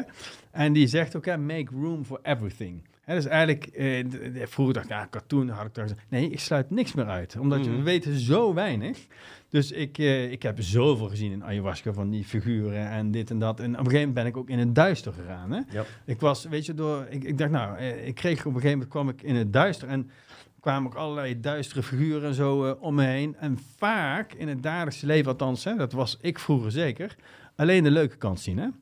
En die shadow, kijk, alles wat we niet van onszelf vaak willen zien, stoppen we in die schaduwkant. Ja. En op een gegeven moment gaat het lijf dat toch leven. En dan kun je bijvoorbeeld, ik noem eens een maagsfeer krijgen. Omdat uiteindelijk maakt het lijf je wel bewust. Maar in die sessie ging ik in die donkere kant. Ik vond het echt shit scary.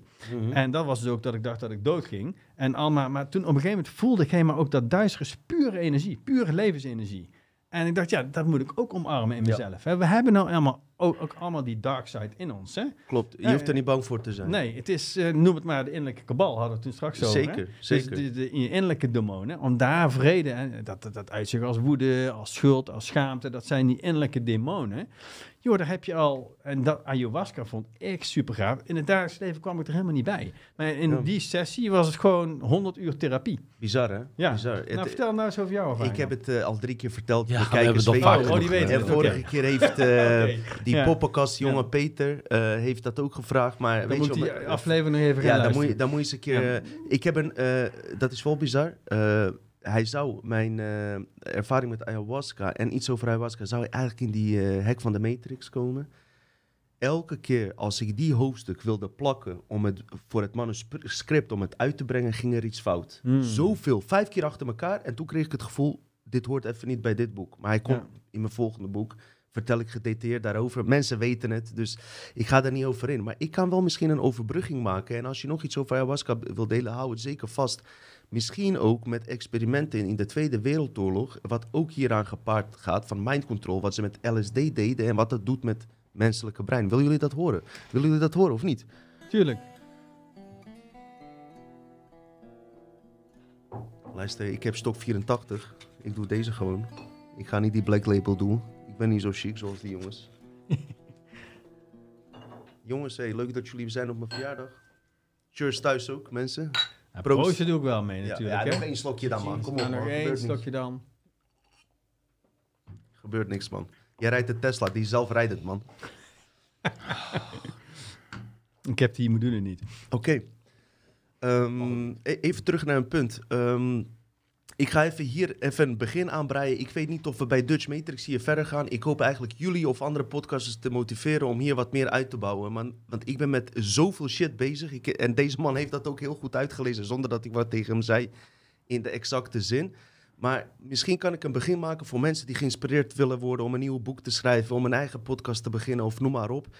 is dat toch weer dat nazi-ding even terug. Ons is altijd verteld en wat ook klopt. Er zijn, die Joden zijn overleden. Dat, weet je, er zijn gewoon, eh, ze zeggen ja, het waren er niet uh, zoveel miljoen. Het was maar uh, 3 miljoen. hey, elk mensenleven is toch te veel? Laten we Mm. even eerlijk zijn. Het Mm. maakt niet uit hoeveel, het waren er te veel. In Israël, Bagdad, alle kanten, weet je, gebeuren er dingen. Maar wij hebben het op dit moment niet over de lagen wat ons wordt verteld. Ook niet over de lagen wat in de conspiracy wordt verteld. Maar over de lagen van de meesters van, het, van de la, labyrinthier. Dus de programmeurs, onzichtbare programmeurs. Die bepaalde doelen hebben om de mens te onderzoeken experimenteel. En dat is in de Tweede Wereldoorlog eigenlijk eh, heel duidelijk naar voren gekomen. Met Jozef Mengele en al die eh, mind control experimenten waarover wordt gepraat. In, nou, in de heel veel alternatieve podcasten eh, wordt heel vaak verwezen naar die resolutie die nu verbroken wordt. Die wet eh Nuremberg-code. Weet je waarom dat verboden was? Dat was verboden omdat ze veel ziekere experimenten deden dan eh, heel veel mensen denken. Het was niet alleen bij LSD en, en even een paar hypnotische programma's. Het ging veel verder. Want wat wilden ze eigenlijk weten? Ze wilden weten hoe het menselijke brein reageert als het in een bepaalde eh, ehm, eh, toestand, geestelijke toestand was. Dus ze wilden weten, eh, ze gaven iemand LSD en dan wilden ze weten hoe e- van een echte mens brein reageert. Zodat die wezens die ons observeren, daarvan iets kunnen leren. Hoe raar je dat zou kunnen vinden. Omdat de mens juist die force in zich draagt, die dingen kan doen die die reptilians, even globaal gezegd, Mm. niet kunnen. Mhm. Dat was hun agenda. Ons is wijsgemaakt dat eh, eh, voor Hitler de makkelijkste manier was om Joden maar te vergassen. Geloof mij maar, ik wil mensen niet op ideeën brengen. Maar er zijn veel makkelijkere manieren om holocaust te, te plegen dan iemand te vergassen, weet je. Maar goed, eh, er zijn mensen doodgegaan. En ehm, eh, wat het voornaamste doel was, is om te kijken door die gassen, ja, wat die gassen doen met het bewustzijnsveld als ze in een mens komen en als ze in een andere bewustzijnstaat komen. Dus de, je hebt die eh, theta-level of bewustzijn en eh, noem maar op, ik ben daar niet goed in. Ehm, eh, ze, ze wilden we- weten hoe het menselijke brein daarop reageert en hoe zij openingen daarin kunnen vinden als het in bepaalde staat is om een hack in de menselijke brein te plegen, collectief, om hem te kunnen bestuderen. Even globaal gezegd. Hey, wat ik nu ga vertellen is slechts een één fucking klein ding met wat er allemaal is. En heel veel mensen weten wat er is. Eh, dus eh, we weten nu onderhand dat heel veel mind control eh, experimenten, die gaan daarover. wanneer kan je iemand onder mind control brengen, is diegene zwaar in een traumapositie te brengen. En dan kan je kan je, je fantasie op loslaten hoe eh, door seksueel te misbruiken, door diegene te laten uithongeren, eh, in de vrieskou te zetten en vervolgens in een sauna van 80 graden en weer in de vrieskou. Al die eh, frequentiewisselingen doen iets met de bewustzijnstaat van de mens. En dat willen die hoogste wezens, dus de meesters van de labyrint, de programmeurs die achter de matrix zitten, die bestuderen dat, ja. En wie zijn dat? Zijn dat reptilians, die programmeurs in Er jouw zijn ogen? eh, zeven of acht groepen, eh, nogmaals, in Mhm. mijn ogen. Ik praat alsof het Ja? eh, zo is. wie Ik zijn dat in jouw ogen, die, die regisseurs? Regisseurs zijn onder andere reptilianen, insectoïde rassen. allemaal vallen ze onder die Orion draconisch bewind. Oké, ja. Oké? Ehm, waar wil ik heen? Vaak wordt, wordt ons, weet je, er worden meerdere verhalen verteld over al die oorlogen en alles. Maar als je kijkt naar de werkelijke ding waar ik in geloof, wat er nog meer achter zit, dan kan je daar ook zoveel over uitzoeken. Dat, ik heb er zelf geen tijd voor. Maar de- wat deden ze dus? Ook slaapexperimenten. Mhm. Dus ehm, mensen, eh, Russen deden dat in 1940 al. Ehm, ze hadden vijf gevangen soldaten. En dan kan er eerst misschien meteen even foto 1 doorheen plakken. Ehm, eh, deden ze vijf gevangen soldaten, eh, wilden ze 30 eh, dagen lang in een cel zetten, afgesloten cel. En die zou vervolgens met bepaalde gas ingespoten worden. En ze wilden ontdekken wat er in die 30 dagen aan hun gedrag zou gebeuren. Kijk, dat zijn natuurlijk bizarre experimenten die je niet mag uitvoeren. Maar in die tijd deden ze het wel. Doen ze nog steeds met gevangenen. Guantanamo Bay gaat gewoon verder. Maar v- verder niet uit. En het bleef echt een horrorverhaal te zijn. Hou maar 20 seconden vast, of misschien langer. En ehm, ehm, ze hebben hier een studie op gedaan. En dat heeft eh, best wel eh, bizarre dingen eh, opgeleverd. Maar voordat we hier naartoe gaan, hebben we eerst... En dan kan Ersan gewoon gerust gaan naar foto 2... Eh, om even een idee te krij- krijgen. Eh, degene die het langst kon slapen was een jongen van 17. Hebben ze testen mee gedaan in het algemeen. Hè. Dat was Randy Gardner.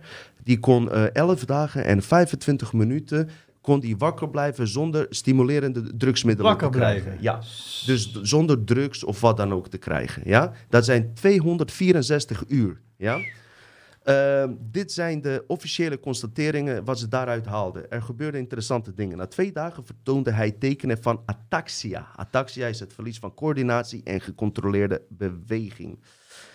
En als ik naar de eh, eh, eerste drie dagen ging, eh, kijk, even kijken.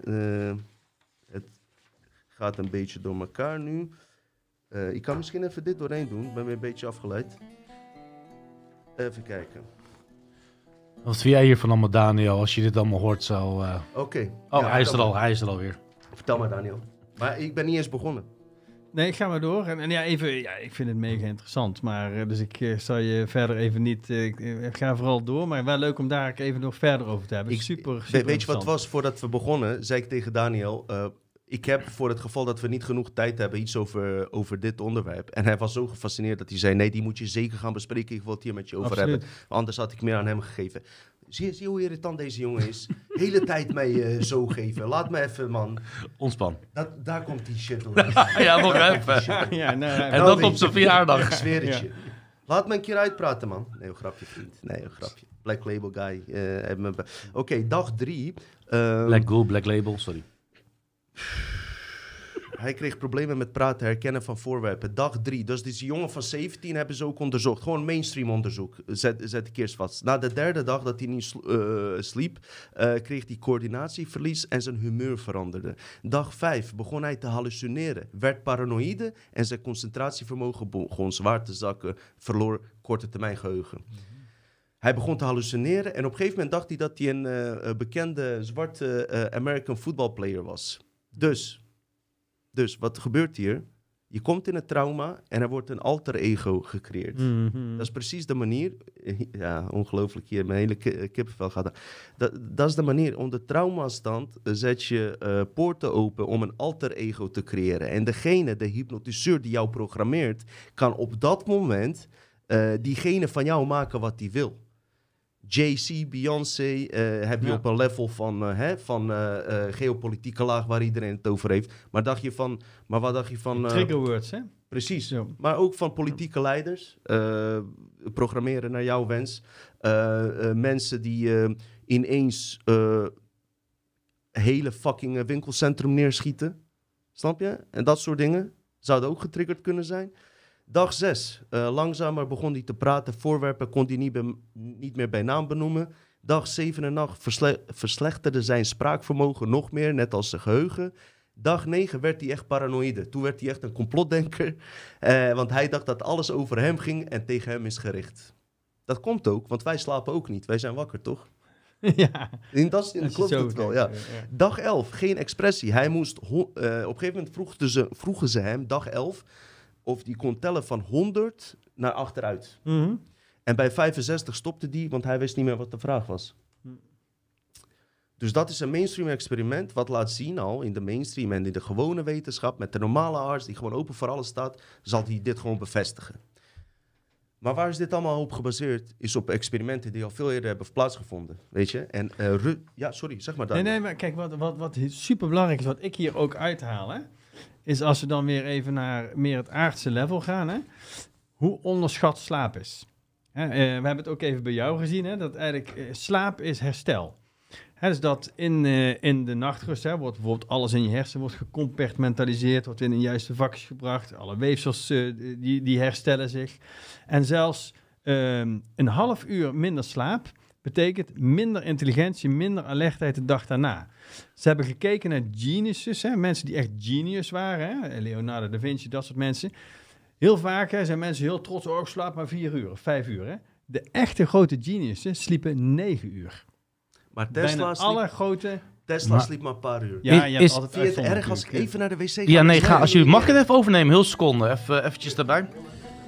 Ja, blijf eh, gewoon zitten. Ja, oké. Nee, dat komt helemaal goed. joh. Ik, ik stap heel zo kort even over. Als jij wil, doe even Ik zet even een eh, plaatje doorheen. Is het... ehm, Zo. Nou, ik vind het wel heel keurig, want hij praat over de, eh, over de nazi's.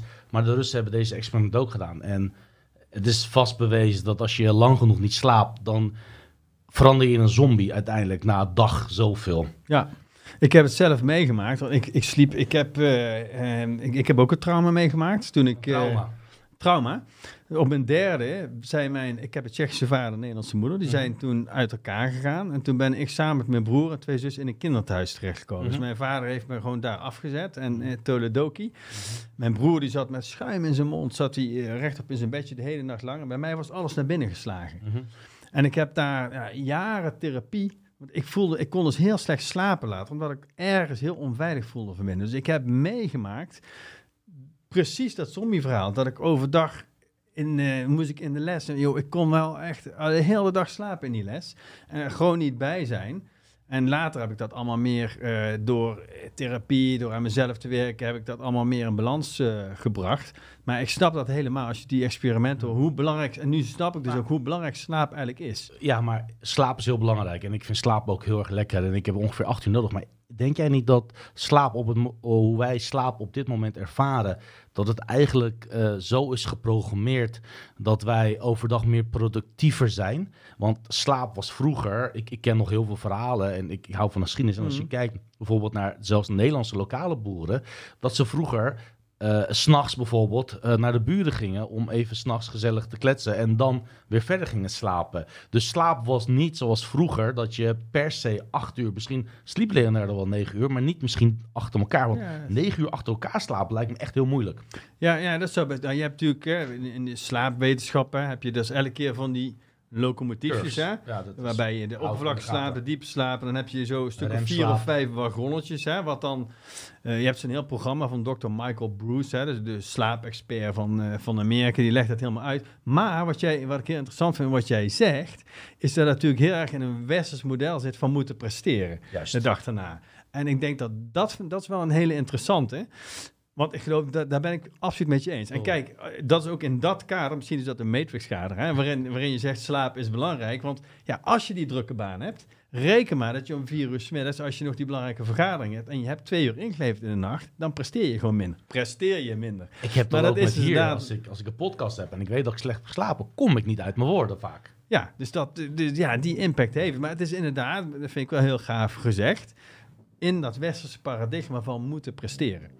En inderdaad, misschien was het wel zo dat Leonardo da Vinci dat uiteindelijk in, in twee of drie delen misschien wel Ja. deed. Misschien deed hij wel een siesta 's middags. Ja, of een powernap of Klopt zo. wel dat je hersenen, die, we hebben een lange, het is bewezen dat we een lange en een kort geheugen hebben. Ja.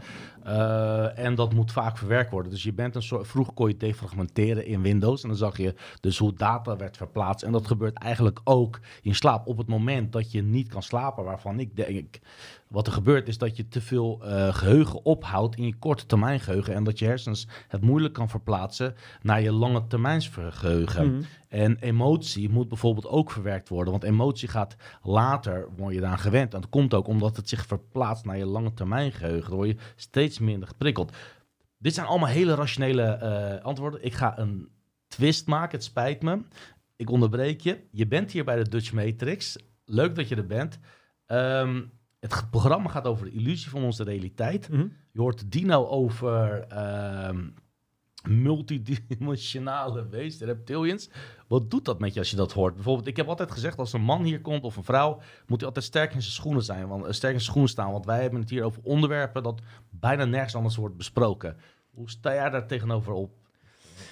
Ja, kijk, eh, ik, ben, ik ben er zelf al zo, nou, denk ik 15 jaar mee bezig. Dus 15 dat, eh, jaar? ja, dus Maar ook ik, met multidimensionale alles, wezens, alles. eh, eh, Ah, aliens. ik vind het, als ik heel eerlijk ben, het allergaafste materie ever. Eigenlijk, Echt? als, ja, Kijk, natuurlijk. dit is leuk, dit vind ik leuk. Als ik dat vergelijk met, met presteren en dat soort dingen, eh, belangrijk en leuk, maar dat vind ik het allergaafste. Hè, kijk, er zijn twee dingen voor mij. Eh, dus, dus daarin, hè, noem het maar even de hemel en de aarde. Dus dat stuk van de hemel ontdekken, je spirituele en hoe zit alles in elkaar, matrix hè, en al En die geloof jij dan de hemel als in Gods hemel? Nee, ik bedoel veel meer de diepe, noem het maar, de diepere lagen in jezelf. Hè? Diepere realiteitslagen, bewustzijnslagen. Noem dat maar even de hemel. Hè? Dat nou. De aarde is veel meer in het hier en nu je dingen doen. En je gezin en je werk en dat soort loonslaaf. dingen. Hè? Ja, en nou niet per se, maar dat, in ieder geval. Dus met die kant, daar heb ik enorm veel studie naar gedaan. Hè, dus eh, ik vind dat super boeiend. Een van de meest boeiende boeken vond ik The Voyagers. Ken je dat? Nee, ik ken wel de serie The Voyagers van Star Trek. Ja, dat is van, eh, ik ben even, nou, misschien als je het googelt, eh, de Voyagers of de Voyagers, ben, zij is heel, zij heeft het al over gehad, dat- dat deze hele toestand gaat in haar ogen miljarden jaren al terug, hè? met de Intruder Alliance en de Guardian Alliance, zoals zij het dan noemt. En eh, dus daar ben ik mee begonnen. Nou, uiteraard David Barr, David Icke. Ik heb al die boeken eh, gelezen. En ja, onwaarschijnlijk interessant en gaaf. En ook zo... Ik- op weg hierin had ik even een stuk van de podcast van Mickey Verleeuwen gehoord. Vorige keer met Dino. Oké. Ja, die zegt ook weer super interessante dingen. En dan denk je, joh, ik weet ook nog zoveel niet. En dat weten we allemaal. Dat is net zijn met de ayahuasca. We weten veel meer niet dan wel. En, maar het is razend interessant. Maar ik weet wel hè, dat, waarom ik hier persoonlijk ben op deze planeet. Ja, dat, oh, dat ben ik benieuwd naar. Eh, nou ja, om dus om onder meer wat we hier nu doen, hè, om eh, op dat vlak mensen wakker te maken, maar ook op het aardse vlak wakker te maken. Hè, van, want het gaat er ook om om goed te zijn in het leven. Wat bedoel ik? Daar heb ik veel van later pas ontdekt. Hè. Wat is nou goed zijn in het leven? Dus dat je overdag goed in je vel zit. Dat je dingen kunt neerzetten die je neer wil zetten. Met, met, een, met de hoogst mogelijke intentie. Om te kijken of je die boel, zeg maar, eh, ook eh, gelukkiger kunt maken en ruimer kunt maken. Want nogmaals, als je dat doet, dan draag je direct bij aan destructie van de matrix in positieve zin. Hè? Als jij, dat weet je ook wel, de, de way out of the matrix is the heart. Dus als je meer connectie daarmee kunt maken en bijvoorbeeld de verbinding met de mensen om je heen, hoe lastig dat soms ook is, eh, en daar meer, aan- meer eh, aan gaat werken, nou, daar moet ik nog steeds heel veel in doen. Maar dan ben je eigenlijk weer bezig met die meer aardse dimensie. Deze, wat wil je? Whisky? Glas. Oh, glas. Sorry, Dino wil even glas. Ja. En daarna gaat Dino's weer, neemt hij weer over hoor. Want we hebben nog eh 20, 5, pakken bij het 50 minuten. Ja, dus kijk, wat, ik vind wat heel mooi wat Michael Beckwith zegt. Hè? Dus hij zegt, je hebt ook verschillende bewustzijnstoestanden. De eerste is, als je het hebt op aardniveau, hè, alles gebeurt to me. Hè, dus het, eh, oh, iedereen wil me hebben, allerlei dingen gebeuren, eh, oh, ja, gebeuren, maar ik ben slachtoffer. Nou, de volgende stap is dat je gaat doorhebben, hé, maar wacht eens even, ik kan ook dingen zelf. Door die keuzes die ik maak, bijvoorbeeld een studie of een opleiding volgen, kan ik dat. Of door eh, gezond te eten voel ik me lekkerder. Of door eh, twee keer de week te sporten gebeurt dat. Dus dat is by me. Hè? Dus dat jij ook dingen kunt creëren in je leven. En dat is dan heel gaaf. Hè? En dat, dat, dat kunnen we allemaal. De volgende fase is dat je ook nog iets meer in de moeiteloosheid gaat zitten. Dat je zegt, through me. Hè? Dus als ik me via mijn hart openstel, er is een intelligentie die groter is dan ik. Hè? Dat is natuurlijk wel de kunst om de goede frequenties te voelen. Hè? Als het hoogfrequent voelt, hè, is het, althans bij mij, voelt het meestal goed. Hè?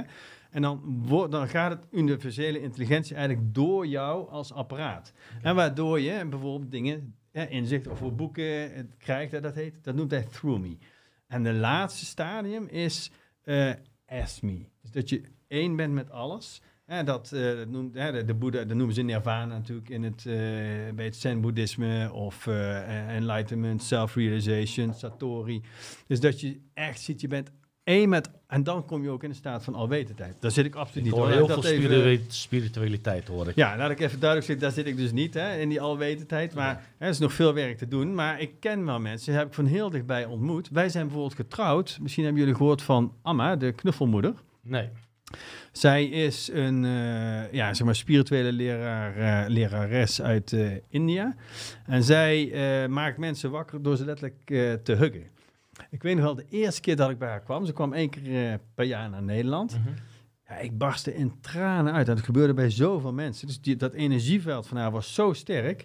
En je had bij haar ook het gevoel dat zij alles van jou wist. Binnen een seconde. Maar ben je zelf dan niet... Sorry, sorry, ik ben altijd Ja, ja. direct. Ben je zelf dan niet ingeprogrammeerd al met je emotie, met je bewustzijn? Ik ga ontmoeten, dat is zo'n persoon. Deze persoon kan dit bij mij aan. En op het moment dat je haar ziet, dat 80% je eigen gedachte dat al heeft gecreëerd. Nou ja, ongetwijfeld speelt dat mee. Dat is juist goed.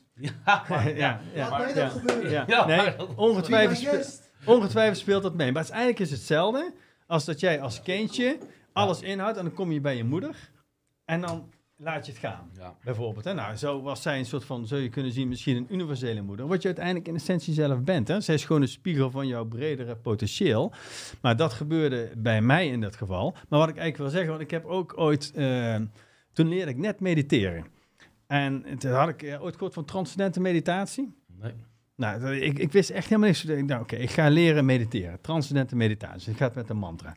Dus ik heel stoer bij mij thuis in Rotterdam. Ik weet nog heel goed. Ik zat op de bank. Ik mijn mantraatje herhalen. En wat, wat gebeurt er, jongen? Ik kom opeens in een staat. En er komt een beeld zo voor mijn ogen van een man. Met een baardje. De meest vredige gestalte die ik ooit in mijn leven heb gezien. En die bleef zo naar me kijken. En ik zat in een staat hè, van, wij spreken tien ecstasy-pillen, zo uh, dat gevoel. Echt, had ik nog nooit meegemaakt. En na twee minuten, en hij bewoog ook, verdween die. Nou, ik was in die tijd, uh, ik ben ook yogaleer, dus had ik een yogales. Dus ik moest naar Ridderkerk, maar ik was te laat.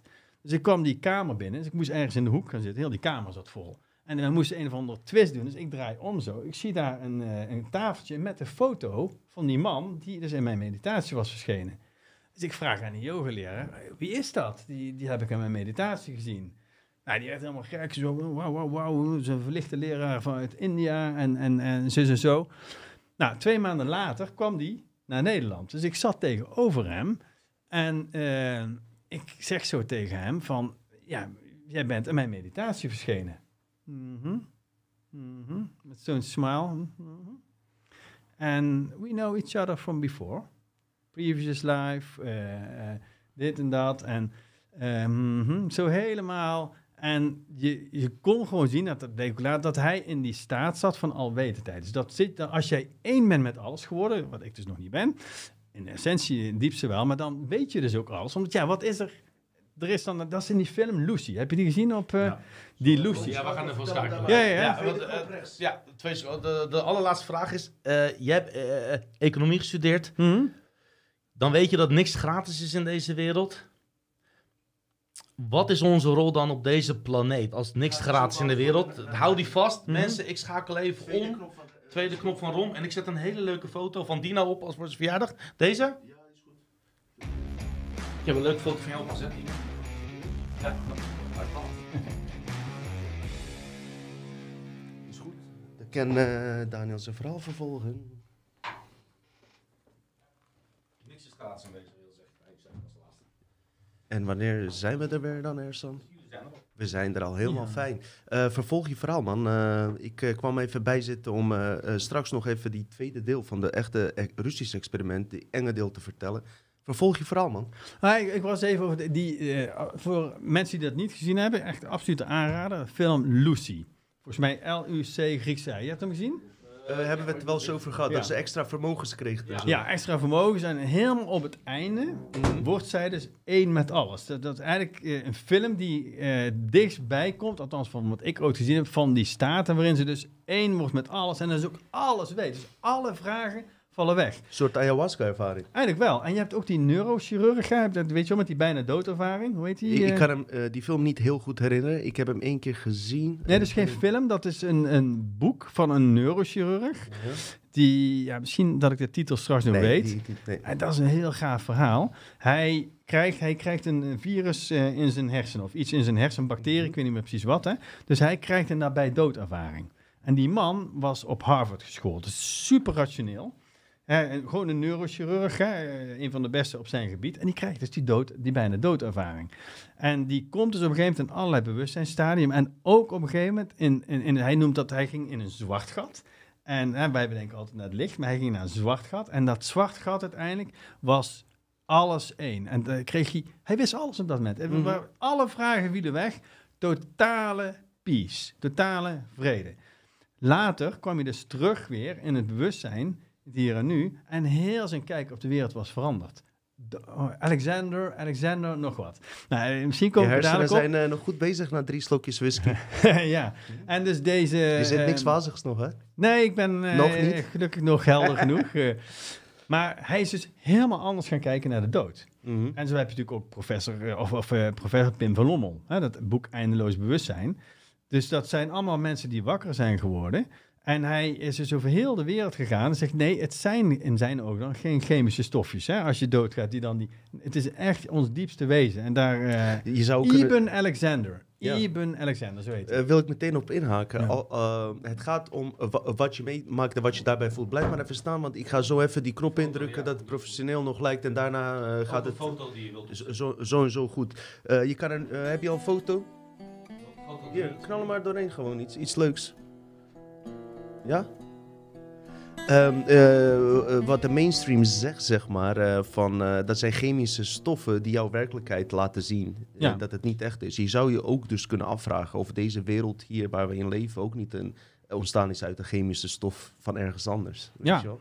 Dus alleen diegene die het ervaart, zoals bij een ayahuasca-ervaring, daar kan ik over meepraten, jij ook en nog vele mensen, die weten donders goed hoe echt dat is. Ja, absoluut. En je hebt in het boek hè, van Eindeloos Bewustzijn, heb je ook op een gegeven moment een verhaal van een vrouw, die krijgt ook een bijna doodervaring. Dus zij is naar het ziekenhuis en op een gegeven moment gaat zij uit haar lichaam. Ze ziet dus haar lichaam liggen en ze hoort de artsen schelden op elkaar. Oh, we verliezen er, eh scalpel 6 en dit, dat. En ze gaan schelden op elkaar en alles wordt opgenomen in die OK. Hmm. En dan ziet ze zichzelf op een gegeven moment van een afstandje zo liggen in een bed en dan gaat ze door het ziekenhuisdak heen. Hmm. En dan ziet ze in eh, de dakgoot van het ziekenhuis ziet ze een Nike-schoen liggen. Een bepaald, eh, bepaalde kleur en daar. Ja, en dan gaat ze denk verder ja. en dan nog verder. Op een gegeven moment komt ze ja, in de bekende lichttunnel. Hè, en, dan, eh, dan, en, en op een gegeven moment kan ze dan, mag ze dan ook niet verder. Dan moet ze terug, komt ze in haar lichaam. En later hebben ze dit dus allemaal gecontroleerd. Hè? Dus die, Mhm. die, eh, die sportschoen. En dat die arts elkaar precies wat zij zei, konden ze terughalen op eh, de tape, hè? Wat, eh, wat zij zeiden. En dat is zo'n verhoogde staat van bewustzijn, terwijl zij op dat moment hersendood was. En dat is natuurlijk bizar. Dus die chemische stofjes op dat moment waren niet meer. Hè? En dat heet die Pim van Lommel zegt, ons bewustzijn zit buiten ons lichaam. Hè? Natuurlijk de Newtoniaanse zegt, nee, het is, het is alles wordt door chemie gemaakt. En ehm, dat is dus die Ibn Alexander, dacht dat eerst ook, alles is chemie. Heeft die eigen ervaring gehad, is totaal omgepoeld. Hè? Van bewustzijn zet los van het lichaam uiteindelijk, of in ieder geval het fysieke lichaam. En nou, toen is die Pim van Lommel, hè, eh, mensen die dat willen lezen, het boek Eindeloos Bewustzijn, super interessant. Misschien kan er hem doorheen plakken als hij erbij is. Ja, cardioloog. Hè? En, eh, en dus hij op een gegeven moment eh, is dat gaan doen, omdat steeds meer mensen... Hij was natuurlijk cardioloog, dus hij verloor soms mensen die dan een hartaanval hadden, die niet kon redden. Maar die soms wel terugkwamen en al die verhalen hadden. In het begin negeerde hij dat, maar op een gegeven moment kon je er niet meer omheen. En toen is hij dat gaan protocoliseren. En zei, hey, eigenlijk ziet hij een patroon Ja. in zijn nabij doodervaring. Logisch. Net als Dr. Moody, hè, dat ook eh, helemaal in, in kaart heeft gebracht. En wat ik dan heel leuk vind als je zo'n boek leest, ik ben eigenlijk helemaal niet bang voor de dood. Nee, hè? Ik ben wel bang om te moeten lijden. Hè. Niemand wil pijn lijden. Hè. Dus dat, maar de dood en Voor zelf, mensen die je achterlaat vooral. Dat vind dat, ik dat, voor de en, rest en pijn, precies dat. Dood, ik ben er gewoon niet. niet bang voor. Anders had ik dit nooit gedaan wat ik nu doe. Niet dat het gevaarlijk is, maar gewoon, weet je. Eh, ik denk dat eh, bang zijn voor de dood en hetgene wat anderen over je denken eh, best wel aan elkaar gelinkt is. Ook op een of andere manier. ja, je, hoe het- raar dat ook klinkt. eh, gewoon een beetje scheid hebben, weet Ja. je. Niet, niet, niet zo serieus deze wereld ook weer nemen, weet je. Wel de situatie, maar we zijn veel te serieus bezig aan de ene kant, weet je. ja, een beetje stress is, dat weten psychologen ook. Elke stress is uiteindelijk angst voor de dood. Stel, jij bent op je, op je werk en eh, je baas eh, zegt, eh, eh, stel je, Piet, Piet kom je even, kun je even naar mijn kamer, ga je zo even spreken. Nou, wat gebeurt er dan in Piet zijn hersenen? Oh, de baas roept mij. Dus die denkt, en het gaat al met de snelheid van het licht. Er zal wel iets fout gegaan zijn. Iets fout gegaan zijn betekent slechte beoordeling. Slechte oordeling Mhm. betekent ontslag. Ontslag betekent geen eten, dood. Oorzaak gevolg. Ja, dus uiteindelijk is elke stress is angst voor de dood. Dus ik zou heel veel mensen ook willen uitnodigen. Nou, daar zijn natuurlijk Dutch Matrix waar- kijkers allemaal wakker. Onderzoek die dood is, net als boeddhisten dat doen. Hè? Wat is dan dood? Als je wat de fuck geen, geen angst meer hebt voor de dood, kun je veel meer leven. Hè? En eh, dus ik ben juist door dit soort boeken te lezen, van eh, die nabij doodervaringen en ook als je steeds dieper in meditatie komt in jezelf. Ik heb ook van echt van die super realisatiemomenten gehad, onder meer ook bij ayahu- ayahuasca, maar ook door diepe meditatie. Dan weet je, ik hoef helemaal niet bang te zijn voor de dood. Ik zou, is geen dood. ik zou Daniel echt serieus waar eens een keer naar eh, eh, boeken van... Of, of iets op YouTube opzoeken van Robert Monroe. Eh, oh, Monroe, van Monroe, Monroe Instituut. Instituut. Ja, ja, ja, ja. Ik heb ook een stuk behandeld in mijn nieuwe boek en alles. Ga ik niet over in. Ik wil graag die tweede Russische experiment behandelen. Maar Robert Monroe komt tot toch eh, hele andere conclusies dan eh, de basic eh, theorie over na de dood. Hè? Hij heeft het ook over de misleidingen na de dood. Ja. Dat je ook naar een valse hemel kan worden gestuurd. Ja, maar ja, Voorbeelden waarin hun uitgangspunt is, en dat hebben ze zelf ervaren door via frequenties, geluidsfrequenties in die fases terecht te komen, hebben ze ervaren dat hetgene waar jij van overtuigd bent, In die hemel kom je terecht, maar nog steeds binnen de matrix. Ja. Dus waren er voorbeelden Ja. dat er bijvoorbeeld nazi's, overleden nazi's, in een nazi-hemel terechtkwamen, Ja. waar ook andere nazi's waren. Heb ik ook al verteld, ga ik niet op in. We gaan naar die Russen. Diep Kosmisch Level met Rolf Nuits. Leuke aflevering om te kijken. Ja, oh, heeft iemand dat aangeraden hier? Nee, ik raad het nu. Wauw, zeker, zeker. Mhm. En die eh, man zou eens nog een keer moeten komen. Rolf, eh moet even Rolf Nuits. contact even eh, maken met elkaar. niks. En waar we het eigenlijk over hebben is constant hoe ons bewustzijn staat verkeerd. ehm, eh, door meditatie of andere middelen. eh, doe die fucking... Ja, Telefoon uit, man. die- die- die- Ik zei toch net, doe die shit uit. Ik vind Ik weet niet hoe dat ding uitgaat, man. Waarom, waarom is dat ding gewoon hier? Ik hou niet van die shit als ik eh, aflevering maak. Zeg ik heel eerlijk. Hoe gaat dat ding op stil? Doe die fucking ding uit, man. Maar goed, laat maar. Sorry, sorry dat ik zo reageer. Maar eh, ik vind het irritant, sorry. Eh, Russen. Goed jongen, je moest je boosheid meer uiten. Ja, ga ik ook doen. Ga ik ook niet doen. Hij heeft, godverdomme, heeft hij een smartphone? Heeft hij een telefoon? Als, eh, voor het geval dat hij niet Ik op zijn weet niet hoe die smartphone uitgaat, opneemt. echt niet. Nee, gooi dat ding fucking in de gang. Ja, en nou gaat hij goed, Dino. Gooi het er maar uit. Jongen, jongen, wat heb je er nou aan? Zo. Sorry mensen. Hij zit, eh, hij zit in mijn zak. Ik hou van je bro, maar Ah. eh, je, bent, je bent echt net als Darth Vader ga je... Nee, hoe heet Ja, Darth, Darth, Vader. Vader, ja. Darth Vader wordt steeds meer technologisch. Ja, precies. Ga Maar- door. maar Russisch... Je draagt wel eh, nog steeds die eh, Turkse bewustzijn in je, gelukkig. Turkse. Mijn eigen. Nee, Turkse goddelijke bewustzijn. Je bent een Turk in het bot of niet? Ik ben het Turk, ja. Sorry, Nou. Sorry Daniel voor dit eh asociaal gedrag, man. Sorry, man. Eh, No Russisch experiment, mensen, luister. Dus dit was gedaan met die 17-jarige jongen. Nou, waren best wel opzienbare de dingen waar je uit kon afleiden. Dus dat iemand onder stress, ja, eh, geprogrammeerd kon worden. Mhm. Als je dat op een collectief eh, niveau eh, kijkt, eh, hoeveel mensen gestrest zijn geraakt, bijvoorbeeld de COVID-situaties, oorlogssituaties en alles, laten ze collectief ook bepaalde poorten open om collectief geprogrammeerd te worden. Dat is even mijn, als ik zo verder denk. En vele andere mensen denken ook zo verder. Maar wat ik wilde zeggen, dus Hitler deed experimenten met gas. Eh, waarvan wordt gezegd van dat dat de makkelijkste manier was om zoveel mo- mogelijk joden af te maken. Maar hoe kan het dat dan trussen in 1940, en dan kan je meteen met die foto 3 komen, Ersan, want ik hou nog steeds van jou, 1940. Dus nog voordat het bekend werd met Russen, dat ze joden vergasten en alles, deden Russen al eh, experimenten met gas. En ze kregen eh, bepaalde, zeg maar met vijf gevangenen. Het was zo, het waren vijf gevangenen. Eh, die hebben ze in een kamer gestopt. Eh, dat kamer was helemaal afgesloten. En eh, ze wilden ze, het doel was om ze 30 dagen niet te laten slapen. Ehm, wat was er aan de hand? Ze die gevangenen kregen te eten, te drinken, alles hoe het hoort. We weten nog steeds niet wat exact in dat eten of drinken zat. Maar die gas was wel aanwezig en die ging die ka- kamers door. Wat gebeurde er? De eerste drie dagen ging heel goed. Ehm, de vierde dag begonnen de soldaten wat losser te worden en een eh, ervaring uit oorlog om elkaar uit te wisselen, noem maar op. Dag vijf, toenemende stress en tekenen van psychoses. Daar begon het al, psychoses. En de vraag is dus, wat is een psychose? Is die jouw ayahuasca-ervaring van jou een psychose? Iemand anders zou zeggen, het is een psychose. Mhm. Je spoort niet, die zit waanbeelden. Mhm. Of zijn ze in, door die gas in een staat gekomen dat ze wel, wel iets werkelijk zagen. Dus ze kwamen in psychoses terecht. Ze begonnen elkaar ineens onderling te wantrouwen. We hebben het nu over dark matter energy. Want je hebt ook in de ayahuasca-wereld heb je ook de zwarte shamanen. Mhm. Die zich juist met die duistere Oh kant ja, bezighouden. direct, ja. Hè? Wat je zegt, mensen zijn aan twee kanten. En die eh, intelligenties die ons onder controle willen hebben, die eh, benaderen toch altijd die negatieve kant om te kijken hoe ze de mensheid onder controle willen hebben. Dus op een gegeven moment werden ze zodanig, eh wantrouwden ze elkaar om geen enkele reden dat ze niet met elkaar spraken. Maar eh, die onderzoekers hadden paar, eh, stiekem een paar microfoons geplaatst. En dan gingen ze stiekem tegen die microfoon, tegen de experimenteurs praten van... ik vertrouw die mensen niet om me heen, help me hieruit, om geen enkele reden, weet je wel. Paranoia-ideeën. Mhm. Eh, ze begonnen in zichzelf te eh, praten, hallucinaties te krijgen. Eh, dag 9, ze begonnen te schreeuwen en door de kamer te rennen. En dit duurde een aantal uur. Andere gevangenen scheurden op een gegeven moment uit paranoïde dingen. Een aantal bladzijden uit, boeken die er waren. En vervolgens plakten ze alle camera's af. En, zodat ze niet gezien werden. Nadat ze dit hadden gedaan, stopte iedereen met schreeuwen, schreeuwen voor drie dagen. De onderzoekers besloten naar binnen te gaan en te kijken wat er is. Ze moesten op de grond liggen. En als iemand eh, zich zou bewegen, eh, zouden ze meteen doodknallen. Want ze wisten niet wat er zou gebeuren. Maar tot hun grote verbazing zei een van de eh, gevangenen: Wij willen hier blijven.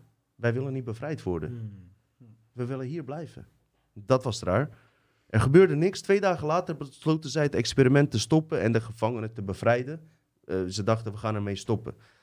Ze deden de gaskraan dicht. Ze deden frisse lucht naar binnen. En die gevangenen kregen pijn daardoor. En ze schreeuwden, ze smeekten dat die gaskraan weer open ging. Het zijn allemaal officiële verslagen. Ja, hè? ja. Ehm, de onderzoekers deden dit, eh, die onderzoekers deden dat niet. Eh, ze stuurden een paar gewapende soldaten uit de kamer om die mensen te bevrijden uit hun lijden. En toen begon de horror. Wat gebeurde toen? Een van de gevangenen die was al toen ze binnenkwamen dood aangetroffen, eh, opengescheurd lichaam, in zijn bloed en eh, in zijn eigen vlees en bloed lag hij daar op de grond.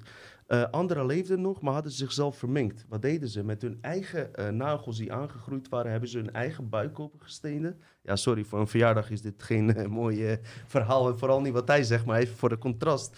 Ehm, eh, ze begonnen zichzelf open, open te halen, letterlijk. En de keel door te scheuren en alles. Sommigen gingen dood, sommigen herstelden. En eh, ze zaten ook eh, gewoon hun eigen organen op te eten. Ja. Toen de onderzoekers vroegen waarom zij zichzelf begonnen te snijden en op te eten, zeiden ze: Ik moest wakker blijven. Hmm. Oké. Tijdens het experiment besloot de Russische commandant, dat was ook nog iets. Dus je hebt een groep eh, onderzoekers en dan heb je een Russische commandant die alles aanstuurt. Dat is van dat ho- hoge, laten we zeggen, kaballevel. Heet het natuurlijk heel anders. Die zei, weet je wat we nu gaan doen? Nu gaan de onderzoekers ook bij die gevangenen zitten. Degene die het experiment houden. Dus de experimenthouders moesten erin. Maar die wilden dat natuurlijk niet, die scheten in de broek. Hmm. Ze werden gedwongen. De chef van die onderzoekers, die pakt een pistool en die schiet die commandant neer. Die gaat vervolgens naar binnen. Eh, hij komt die eh, gevangenis binnen. Hij schiet zo en zo één gevangene neer. Die was te, eh, te gevaarlijk. En hij wilde nog een andere neerschieten. Maar toch voor zijn eigen onderzoeksproces wilde hij toch nog ergens achterkomen. Als je het nog volgt, Daniel. Als je het niet Mhm. volgt, moet je zeggen. Hij wilde achter, eh, eh, toch nog even wat resultaat van die onderzoek. Dus voordat hij hem neerschoot, zei hij: Wat ben jij? En daar kan ergens aan foto 4 tussen plakken, want zo zagen ze eruit. Jeetje, ja. Dat zijn echte foto's. Maar zo zagen ze zichzelf dan, of wat? Nee, zo zagen ze eruit, volgens die onderzoek. Oh, Oké, ja, ja. Er zijn, hoe ik het heb eh, ontdekt, echt gewoon officiële foto's. Kan ik dat nou bewijzen met... eh, misschien moeten mensen dat zelf gewoon ook even uitzoeken. Eh, hoe ik het heb gezien, zijn dit wel echt experimentele foto's. Hoe Ja. bizar dit ook Oh, klinkt. ja. Maar goed, hey, ik was er niet bij gelukkig. Dus voordat hij deze persoon wilde neerschieten, eh, vroeg hij aan hem: eh, eh, Wie ben jij? Wat ben jij? Want als je zo uitziet en zo gedraagt, wil je wel weten met welke entiteit je te Mhm. maken hebt. Die, deze antwoorden: Ben je het vergeten? Ben je het vergeten? Wij zijn de duisternis dat zich binnen in jullie allemaal bevindt, smekend om bevrijd te worden vanuit het diepste van je dierlijke geest. Wij zijn diegene waarvoor mensen zich schuilen in hun bed. De researcher schoot de, gevangen in de gevangene in zijn hart en zijn laatste woorden waren zij zo, ik ben eindelijk vrij. Volgens die eh, onderzoeken. Ehm, dus ja, eh, dat is best wel een bizar verhaal, ja. Ja, wat ik dus heel... Dat, dat laatste stuk, daar, daar resoneer ik er met name in, hè? Gaat goed, bro? Ja, lekker man. Ja, man. Dus dat wij zijn de duisternis, dat zich binnen in jullie allemaal bevindt, smekend om bevrijd te worden vanuit het diepste van je dierlijke geest. Nou, dat is dus schaduwwerk. En dat vind ik heel erg in de New Age wereld, als ik het zo mag noemen. Mhm. Alles is licht en liefde. Maar dat is natuurlijk niet zo. Er is gewoon ook fucking duisternis op deze. En ook in jezelf. Hè? Dus dat is dus dat schaduwwerk. En dat is een heel... Ik eh, was laatst... eh, ik werk veel met eh, Mind Valley. Dat is een platform voor persoonlijke groei en bewustwording. En de oprichter daarvan, Vishen Lakyani... die had op een gegeven moment een Indiase guru op bezoek. En die stond een hoog aanzien in India. En wat gebeurde er? Dus die is op bezoek bij, eh bij Vishen Lakyani... En op een gegeven moment komt er een collega van Vision komt binnen, waar die heel veel mee samenwerkt, die al die programma, leerprogramma's samenstelt. En die guru ziet die jongen binnenkomen en die flipt uit zijn dak. Oh, maar ik had toch alleen exclusief met jou hier eh, het gesprek. Mm. En eh, want eh, die Vichy is op dit moment heel ja, iemand, een, persoon die zeg maar veel gevraagd wordt als spreker. Dus die kon het niet hebben dat daar een derde iemand zijn tijd. Mm. En die Vision dacht, maar wacht eens even, deze goeroe die is op een bepaald stuk helemaal niet wakker. Nee. En kijk, je hebt een verschil tussen, tussen waking up en growing up.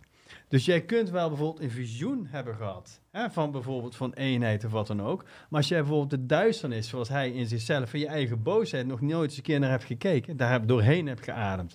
Een keer over zijn bolk hebt geaaid, eh, gezien hebt. Hè, en gewoon zegt, ik zit gewoon fucking boosheid ook in mij. Mhm. En dat mag er zijn. Hè? Dat noemen ze ook wel heal. Hè? Herkennen, erkennen, accepteren en dan pas loslaten. Maar wat veel New Agers doen, is daar overheen gaan. Nou alles is liefde. Nee, alles is niet Heb liefde. je, heb je gemerkt trouwens dat de laatste paar jaar eh, dat daar een beetje verandering in is gekomen? Ik heb heel veel New Agers richting de complotwereld die gaan 10 minuten, zeg je ergens dan? Is goed, ik maak het zo nog af, ik ben bijna klaar. Heb je gemerkt dat daar be- een beetje verandering in is gekomen door COVID? Of Nou, dat denk ik wel. Dat denk ik wel. Hè? Dat is dat mensen sowieso, als je thuis zit, dan word je meer geconfronteerd met jezelf. Maar ik denk dus dat heel veel verlichting ook te vinden is in het accepteren van het duistere deel in jezelf. En dat, dat is ook een beetje growing up. Dus naast waking up heb je ook growing up. Hè? Zoals Ken Wilber ook zegt, hè? Ook daar, dat zijn weer verschillende bewustzijnsstaten. De eerste staat is egocentric. Hè? Alles draait om jou. Ja. Nou, dan groei je verder. Dan kun je groeien naar ethnocentric. Ethnocentric is, hè, nou, eh, jij bent Bosniër, jij bent Turks, ik ben half Tsjechisch. En dat is je identificeren met jouw groep of met jouw religie. Ja, maar Dat jij bent dan- wel blank en je hebt blauwe ogen. Je hebt wel makkelijk. ja, als, je die, als je dat even als, als een conditionering zou zien, hè, dat is een voorbeeld nou van etnocentrische programmering. Hè, dus als je zegt, nou, wij, die is goed en de andere groep niet goed, dat is etnocentrisch bewustzijn. Maar je kunt doorgaan, nee, maar we zijn allemaal één familie. We zitten hier als één familie. World-centric. Hè? En het is juist gaaf, hè, de kracht van het verschil. Nog verder is cosmocentric. Hé, wacht eens even. In het hele universum joekelt het van het leven. Nou, en, en uiteindelijk dan ook weer universal-centric. Maar dan moet je dus ook door die duistere kant heen in jezelf. Klopt. En bij ayahuasca ervaar je dat gewoon eigenlijk in een paar uur, een soort, soort, heel leven. Want eerst wat je ervaart, dat is mijn ervaring, is die meest enge dingen om er doorheen te komen, om tot jezelf te komen. Ja, Een soort van eh, filter waar je doorheen moet, zeg maar. ja. En eh, in dit leven wordt dat alleen verlengd tot eh, 80 tot ho- 100 ne- of 90 jaar. En in ayahuasca lijkt je dat gewoon in eh, die 6, 7 uur zo bam. Ja, en je, en je, ja, en je triggert elkaar. Want aan de overkant was een vrouw die was aan het schreeuwen, joh. Ja, en dat ging maar, jongen, dat ging. Ja.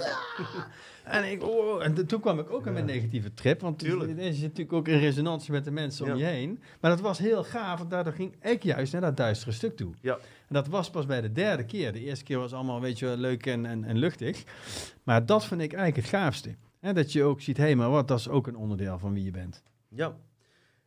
En het grappige is, en dit is nog even vervolg daarop, ehm, eh, Daniel. En dan kunnen mensen misschien nog even een paar eh, vragen stellen eh, tussendoor. En eventueel ehm, kan Ersa misschien nog een foto eh, plakken zometeen. Via zijn horloge misschien. Maar dat is niet mogelijk, want dat ding staat uit. Hey, sorry Weet je zeker dat je foto 5 wil? Eh, luister, wat er gebeurt, nog niet. Nog niet. Wat er dus gebeurde, eh, dit zijn hele oude foto's. Eh, dit is nog even bijkomstigheid. Eh, Spirit Halloween, Spirit Halloween, dat is een of andere Amerikaanse bedrijf dat Halloween maskers verkoopt en alles. Die hebben gewoon die foto die ik net laat zien. Nu kan die foto 5 gebruikt worden. Hier zie je. Eh, die hebben die foto die je net zag gebruikt eh, en daar echte maskers van gemaakt. Dus zie je, later hebben ze daar hier ook echt Hmm. Halloween maskers van gemaakt. Zo. Eventueel kan je ook naar foto 6 gaan, Ersan. Dus het is echt heel serieus genomen dit, weet je?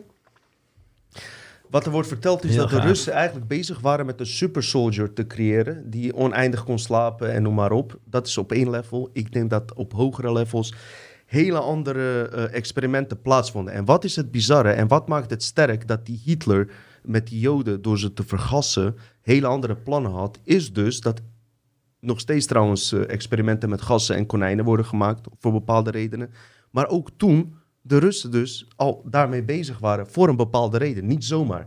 Ehm, misschien kan Ersa naar eh, volgende kan foto 7, nazi-zombies. Iedereen die eh, bijvoorbeeld eh, Call of Duty heeft gespeeld of eh, spelletjes, heb je wel eens afgevraagd, nazi-zombies, waar slaat het op? Nazi's en zombies, wat hebben die met elkaar gemeen? Maar eh, je hebt Jozef Mengele, ook een gast die via Operatie Paperclip naar Amerika was gegaan. Die was dan met hele zieke ex- experimenten bezig. Die was bezig bijvoorbeeld van mensen eh, eerst dood te maken en ze daarna weer tot leven te brengen. Ja. Waar weer die Dr. Frankenstein shit vanuit is ontstaan. Hij had bijvoorbeeld eh, heel veel tweelingen gevangen genomen. En dan deed hij experimenten daarmee. Eén tweeling ging die martelen, mishandelen. Om te kijken of die andere tweeling ook die pijn voelde. Weet je? Mm. Het waren niet. ehm, heel veel mensen denken dat waren de bad guys. Ze willen iemand martelen. Ze hadden een reden daarachter. Een onderzoeksreden. Ik keur het niet goed. Maar ze hadden een reden om eh, zeg maar bepaalde experimenten uit te voeren. die eigenlijk niet eh, gegrond zijn in een normaal leven. Dus met wie deden ze het? Met gevangenen. Met toen Joden. Nu zijn het eh, terroristische islamieten uit Guantanamo Bay-gevangenis. Snap je? En die nazi-zombies, die zijn eigenlijk ontstaan uit het concept dat ze mensen dus eerst doodmaakten en weer tot leven brachten. Daar komen nazi-zombies vandaan. Mhm. Dus dat wil ik even zeggen. En ik denk, en ik zeg je, dit heeft niks eh, te maken met eh, geopolitieke laag. Dit heeft alles te maken met die hogere intelligenties die willen begrijpen hoe de force werkt. Dat is het goede nieuws. Hoe werkt die menselijke kracht in ons? Dus het goede nieuws van al deze teringzooi, wat ik net vertel, is dat ze zoveel moeite doen. Ga maar naar eh, foto 3, ik weet niet eens. Tijd bestaat niet eens, lijkt het wel. Ehm, ze doen al die experimenten, die hogere intelligenties, omdat wij dus iets in ons dragen wat zij niet hebben. En ze doen zoveel moeite daarvoor. En ik wil je daarbij misschien ook een positieve stuk aan geven van hoe belangrijk jij als persoon bent. Zelfs als je misbruikt bent, als, eh, als je ontvoerd bent door buitenaardse wezen, noem maar op. Allemaal gedaan omdat jij het goud bent. En eh, dat is Mm. even wat ik wilde delen. Want ik deel heel veel eh, duistere shit. Maar ik wil dit er ook even bij melden. Super. Waarom die duistere shit wordt gedaan. Juist omdat jij, jij het goud bent. Hoeveel mensen vermoorden elkaar niet voor goud hier op Mm. aardse leven? Mm. Hoeveel mensen eh bloed, diamanten, noem maar op. Als je het naar universeel level doortrekt. En eh, jouw creatiekracht als goud ziet. Kan je je voorstellen wat duistere energieën. Wat ze voor over hebben. Voor jouw goud. Wat jij eigenlijk in je draagt. Ik vind het prachtig. Ja, hoe erg het ook is. Dat was mijn stuk, Daniel. Nou, nou, nou, ja, dat is nogal wat eh, super, eh, super interessant. Weer een hele nieuwe kennis die, eh, die ik niet eerder gehoord heb. Dus dat is weer een eh, expansion eh, van de mind. Gaaf. Dus, lieve mensen, ehm, Daniel, heb je nog iets wat je nog niet hebt gemist? We gaan afsluiten. Ik wil even bijmelden. Dus al die dingen, als je wat meer van Daniel wil weten, is bekend dus, is in de omschrijving. Ehm, zijn er nog dingen die jij even tegen het publiek zo in de camera wil zeggen? Eh, nou, misschien een uitnodiging. Ehm, we hebben met, eh, met ons bedrijf, eh, dus Being Balance, hebben een, een missie van, om krachtig bij te dragen aan ja, global health en well-being. Dus wij willen in 10 jaar in 10 landen 10.000 coaches opleiden. Wauw. En eh, nou zijn het dus Matrix mensen, zijn, hebben, vind ik als voorsprong die enorme wakkerheid. Als ik die mensen zie, denk ik, eh, twee woorden heb ik al genoeg. Ja, kan je even, eh, sorry dat ik onderbreek, Hm? vinden ze vast wel leuk. Wat is er zo uniek staan, of noem maar op? Wa- wa- wat merk je dan met andere, verschil met andere mensen? Ja, en, kijk, als jij, die naar ons net- kijkt? als jij gewoon al kunt praten over de dingen waar wij het hier over hebben, hè, dan zit je al in je passie van wakker worden. Dus als je op dat niveau al kunt praten, dan kun je elkaar weer verder helpen om nog verder te groeien. Mhm. Iemand die op dat stuk minder wakker is, hè, dan, ja, dan, dan moet je toch even een aantal stapjes nog nemen. Dus de meeste mensen, je hebt binnen een paar woorden stap je elkaar en heb je Klopt. gewoon die conversatie. Je hebt ook een klik meteen ook, ja. Ja, dus mijn uitnodiging is voor degene die wil. We hebben op 23 juni hebben wij van 7 tot half 9 een eh, gratis online eh, informatiebijeenkomst over die Being a Manager coaching opleiding. Dus, dus mochten er eh, bij de Dus Matrix coaches zijn of therapeuten of artsen die meer holistisch willen werken en je wil die technologie, die Being a Manager technologie gebruiken om sneller naar de kern van jouw zaak te gaan, dat is een extra tool. Eh, het is gratis, dus dan kun je even kijken op beingamanager.nl bij gratis inspiratie event. Kan je dat langzaam nog een keer herhalen, de Ja. website? Ja, dus www.beinginbalance.nl. Being in Being balance. in Misschien als je via balance.nl, Google opzoekt, weet je in zeker balans dat je... zijn. Ik ga het opzoeken. Ja, Ja, ja. en- dankjewel voor je alertheid, gozer. Ja, en deze doelgroep die hebben wij dus heel graag, omdat dus dat niveau van wakker, dat delen we al. We willen de wereld meehelpen wakker maken, vooral op gezondheidsgebied dan ook. Dus mocht je op dat vlak interesse hebben, nou, dan 23 juni om 7 uur ben je van harte welkom in eh, de Zoom. Op beingmanagement.nl eh kun je dan eventueel aanmelden. Daniel, En ik wilde Je nog bent één ding, geweldige ding bijmelden. L- Vermeld, vermeld. Ja, dat is waarom die 10.000? Ehm, dat is gebaseerd op het Maharishi-effect. Het Maharishi-effect is een experiment geweest in Washington, waar ze ongeveer 600 yogis in een sporthal bij elkaar hadden. En dan gingen ze kijken, als die 600 yogis nou mediteren, heeft dat nou effect op de criminaliteit? En toen bleek dus dat de criminaliteit na drie maanden, dat zijn van die supergetrainde yogis, hè, met 40% was gedaald in Washington. Statistisch toewijsbaar aan die groep. En dat hebben ze Stonden toen... zij voor het Witte Huis, wat je zei toen ook? Eh, ja, en dat, Ja. dat noemen ze dus het Maharishi-effect. En wat blijkt, dus als een beetje ingewikkelde formule, als de wortel van 1% van een groep een hogere frequentie heeft, of coherent wordt, heeft dat een direct effect op de hele groep. Dus wij hebben zitten berekenen, hoeveel mensen moeten wij nou opleiden om dat Maharishi-effect te bereiken? En toen kwamen we dus op 8000, nou af, afgerond is dat 10.000, die dan weer mensen gaan coachen. Dus zo kunnen we eh, raise the frequency, dat is in feite wat wij willen. Hopelijk op die manier ook weer versneld het bewustzijn verhogen. Gaat best wel gepaard met wat Martijn van Staveren, die vertelde een keer dat elk persoon op een cloud zit aangesloten waar 45.000 mensen aan zitten aangesloten. Zo. Als er iets verandert in die persoon die aan die cloud zit aangesloten, dan geeft hij informatie aan die mensen die aan die cloud zitten. En zij kunnen dan uit hun vrije wil, als ze ervoor openstaan, daarop inloggen. Zo. Ja, bizar. Dus Bizar. eh, ja, zie je, zie je hoe, men- hoe dingen ook via verschillende invalshoeken ook weer correleren en zo. Dat vind ik zo mooi, eh, nu je dat zegt. Ja, Hij legt het wel heel technisch uit altijd, Martijn. Dat is bij mij wel vaak nodig, omdat ik het al snel zweverig vind. Maar hij legt het zo gedetailleerd uit met die ja eh, clouds en zo. ik heb een paar video's, hij Heb kan je? het super goed uitleggen. Jij zou een keer kennis met hem moeten maken, man. Ja, ja, zeker. Ja. Nou, je hebt dus een paar van die video's, ja, waanzinnig interessant. Ik vind Ja, hem echt heel, heel, heel Ik, interessant. eh, sterker nog, ik ga even druk op hem zetten. Ja, lekker. Martijn, misschien heb je dit even nodig. Ik heb hem vorige week gezien. Hij kwam naar me toe. Hij zegt, Dino, wij moeten shit samen gaan doen. Niet shit, dat is even mijn vertaling. Hij praat anders. Eh, hij, eh, als het goed is, komt hij hier binnenkort. Maar ik weet hoe hij ook is. En ik, eh, op dat moment wilde hij die aflevering maken. Ik had hem toen meteen moeten ontvoeren naar Dutch Matrix en die aflevering maken. Want een dag later is weer de vraag hoe, in wat voor veld die zit. Niet negatief of Mhm. eh, positief bedoeld. Maar die man werkt helemaal niet met agenda's en shit, weet je. Nee. Dus eh, het zou kunnen dat het nooit gebeurt. Maar ik ga dit toch zeggen om even een be- beetje gezonde druk achter hem te zetten. Hij zegt, Dino, we moeten even aflevering maken. Hij is ook drie, vier jaar niet, eh, zeg maar, openbaar bewust gaan spreken. door bepaalde redenen. Maar hij zegt, het is, het is nu tijd, zegt hij tegen mij. Heeft hij verteld vorige week. Om een keer in een uitzending ook te komen. Ja, en normaal super. zou ik hier no- nooit wat over zeggen, maar ik voel dat het misschien nodig is dat ik het even openbaar zet, zeg. Zodat ik even een beetje op zijn eh, billen trap om, hem, eh, om er werk van te maken. Want het is een geweldige vent en eh, ik vind het jammer Super. dat die man... ik heb honderden, zeker wel drie, vierhonderd mensen uitgebreid onderzocht. Mensen onderzoeken David Tyke, Erik van Donneke, vier, vijf mensen. Ik heb 100, 200 mensen onderzocht. Maar de dingen die hij vertelt zijn zo uniek. Nou, wat ik heel gaaf vind Dat moet gewoon hem- gedeeld. Dat moet gewoon gedeeld worden door meer mensen. Ja, wat, wat ik heel gaaf vind aan zijn benadering, wat ik ervan gezien heb, hè, is dat hij hele hoogdrempelige dingen heel laagdrempelig kan brengen. En op een begrijpelijke manier. Jawel. En dat, Ja. ja. dat kunnen niet heel veel mensen. Dus dat, Klopt. is, dat vind ik heel gaaf. Maar heb je wel eens iemand gehoord die je informatie verschaft die je gewoon ergens op internet kan vinden? Nee, er zijn er weinig inderdaad. Het is Ja. Fucking bizar. En hier, ik kreeg nu echt kippenvel. Dus Martijn, eh, gozer, eh, ik heb tegen je gezegd, kaart ligt bij jou. En alle kaarten staan hier open voor je. Zullen we daarmee Check. afsluiten? Mooi afsluiter. Mensen, bedankt. Daniel, wat vond je ervan?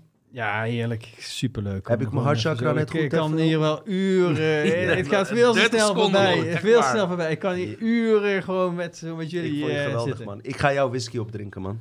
Die is voor jou, ja. Is ja. goed. Hey mensen, super bedankt voor het kijken. Ik vond het geweldig. Ehm, binnenkort zijn we er weer. En eh, Chris van den Ende, die cabaretier, komt. Gaan we even weer lachen. Komt helemaal goed. Wordt wel op een zondag. Eh dag daarna is, als het goed is, eh, Pinksteren. Maakt ook niet uit. Eh, ik, ik vond het weer met Daniel helemaal geweldig. Deze man heeft mij gewoon weer blij gemaakt. De derde keer alweer. En andersom, mannen. Dank jullie wel. Dankjewel, gozer. Dankjewel. Dankjewel. Geweldig, gozer. Hey mensen, ik hou van jullie. Ik zie jullie snel, hè. En leef gewoon je leven. Ga niet al die podcasten kijken. Kijk alleen naar ons, je. Fuck.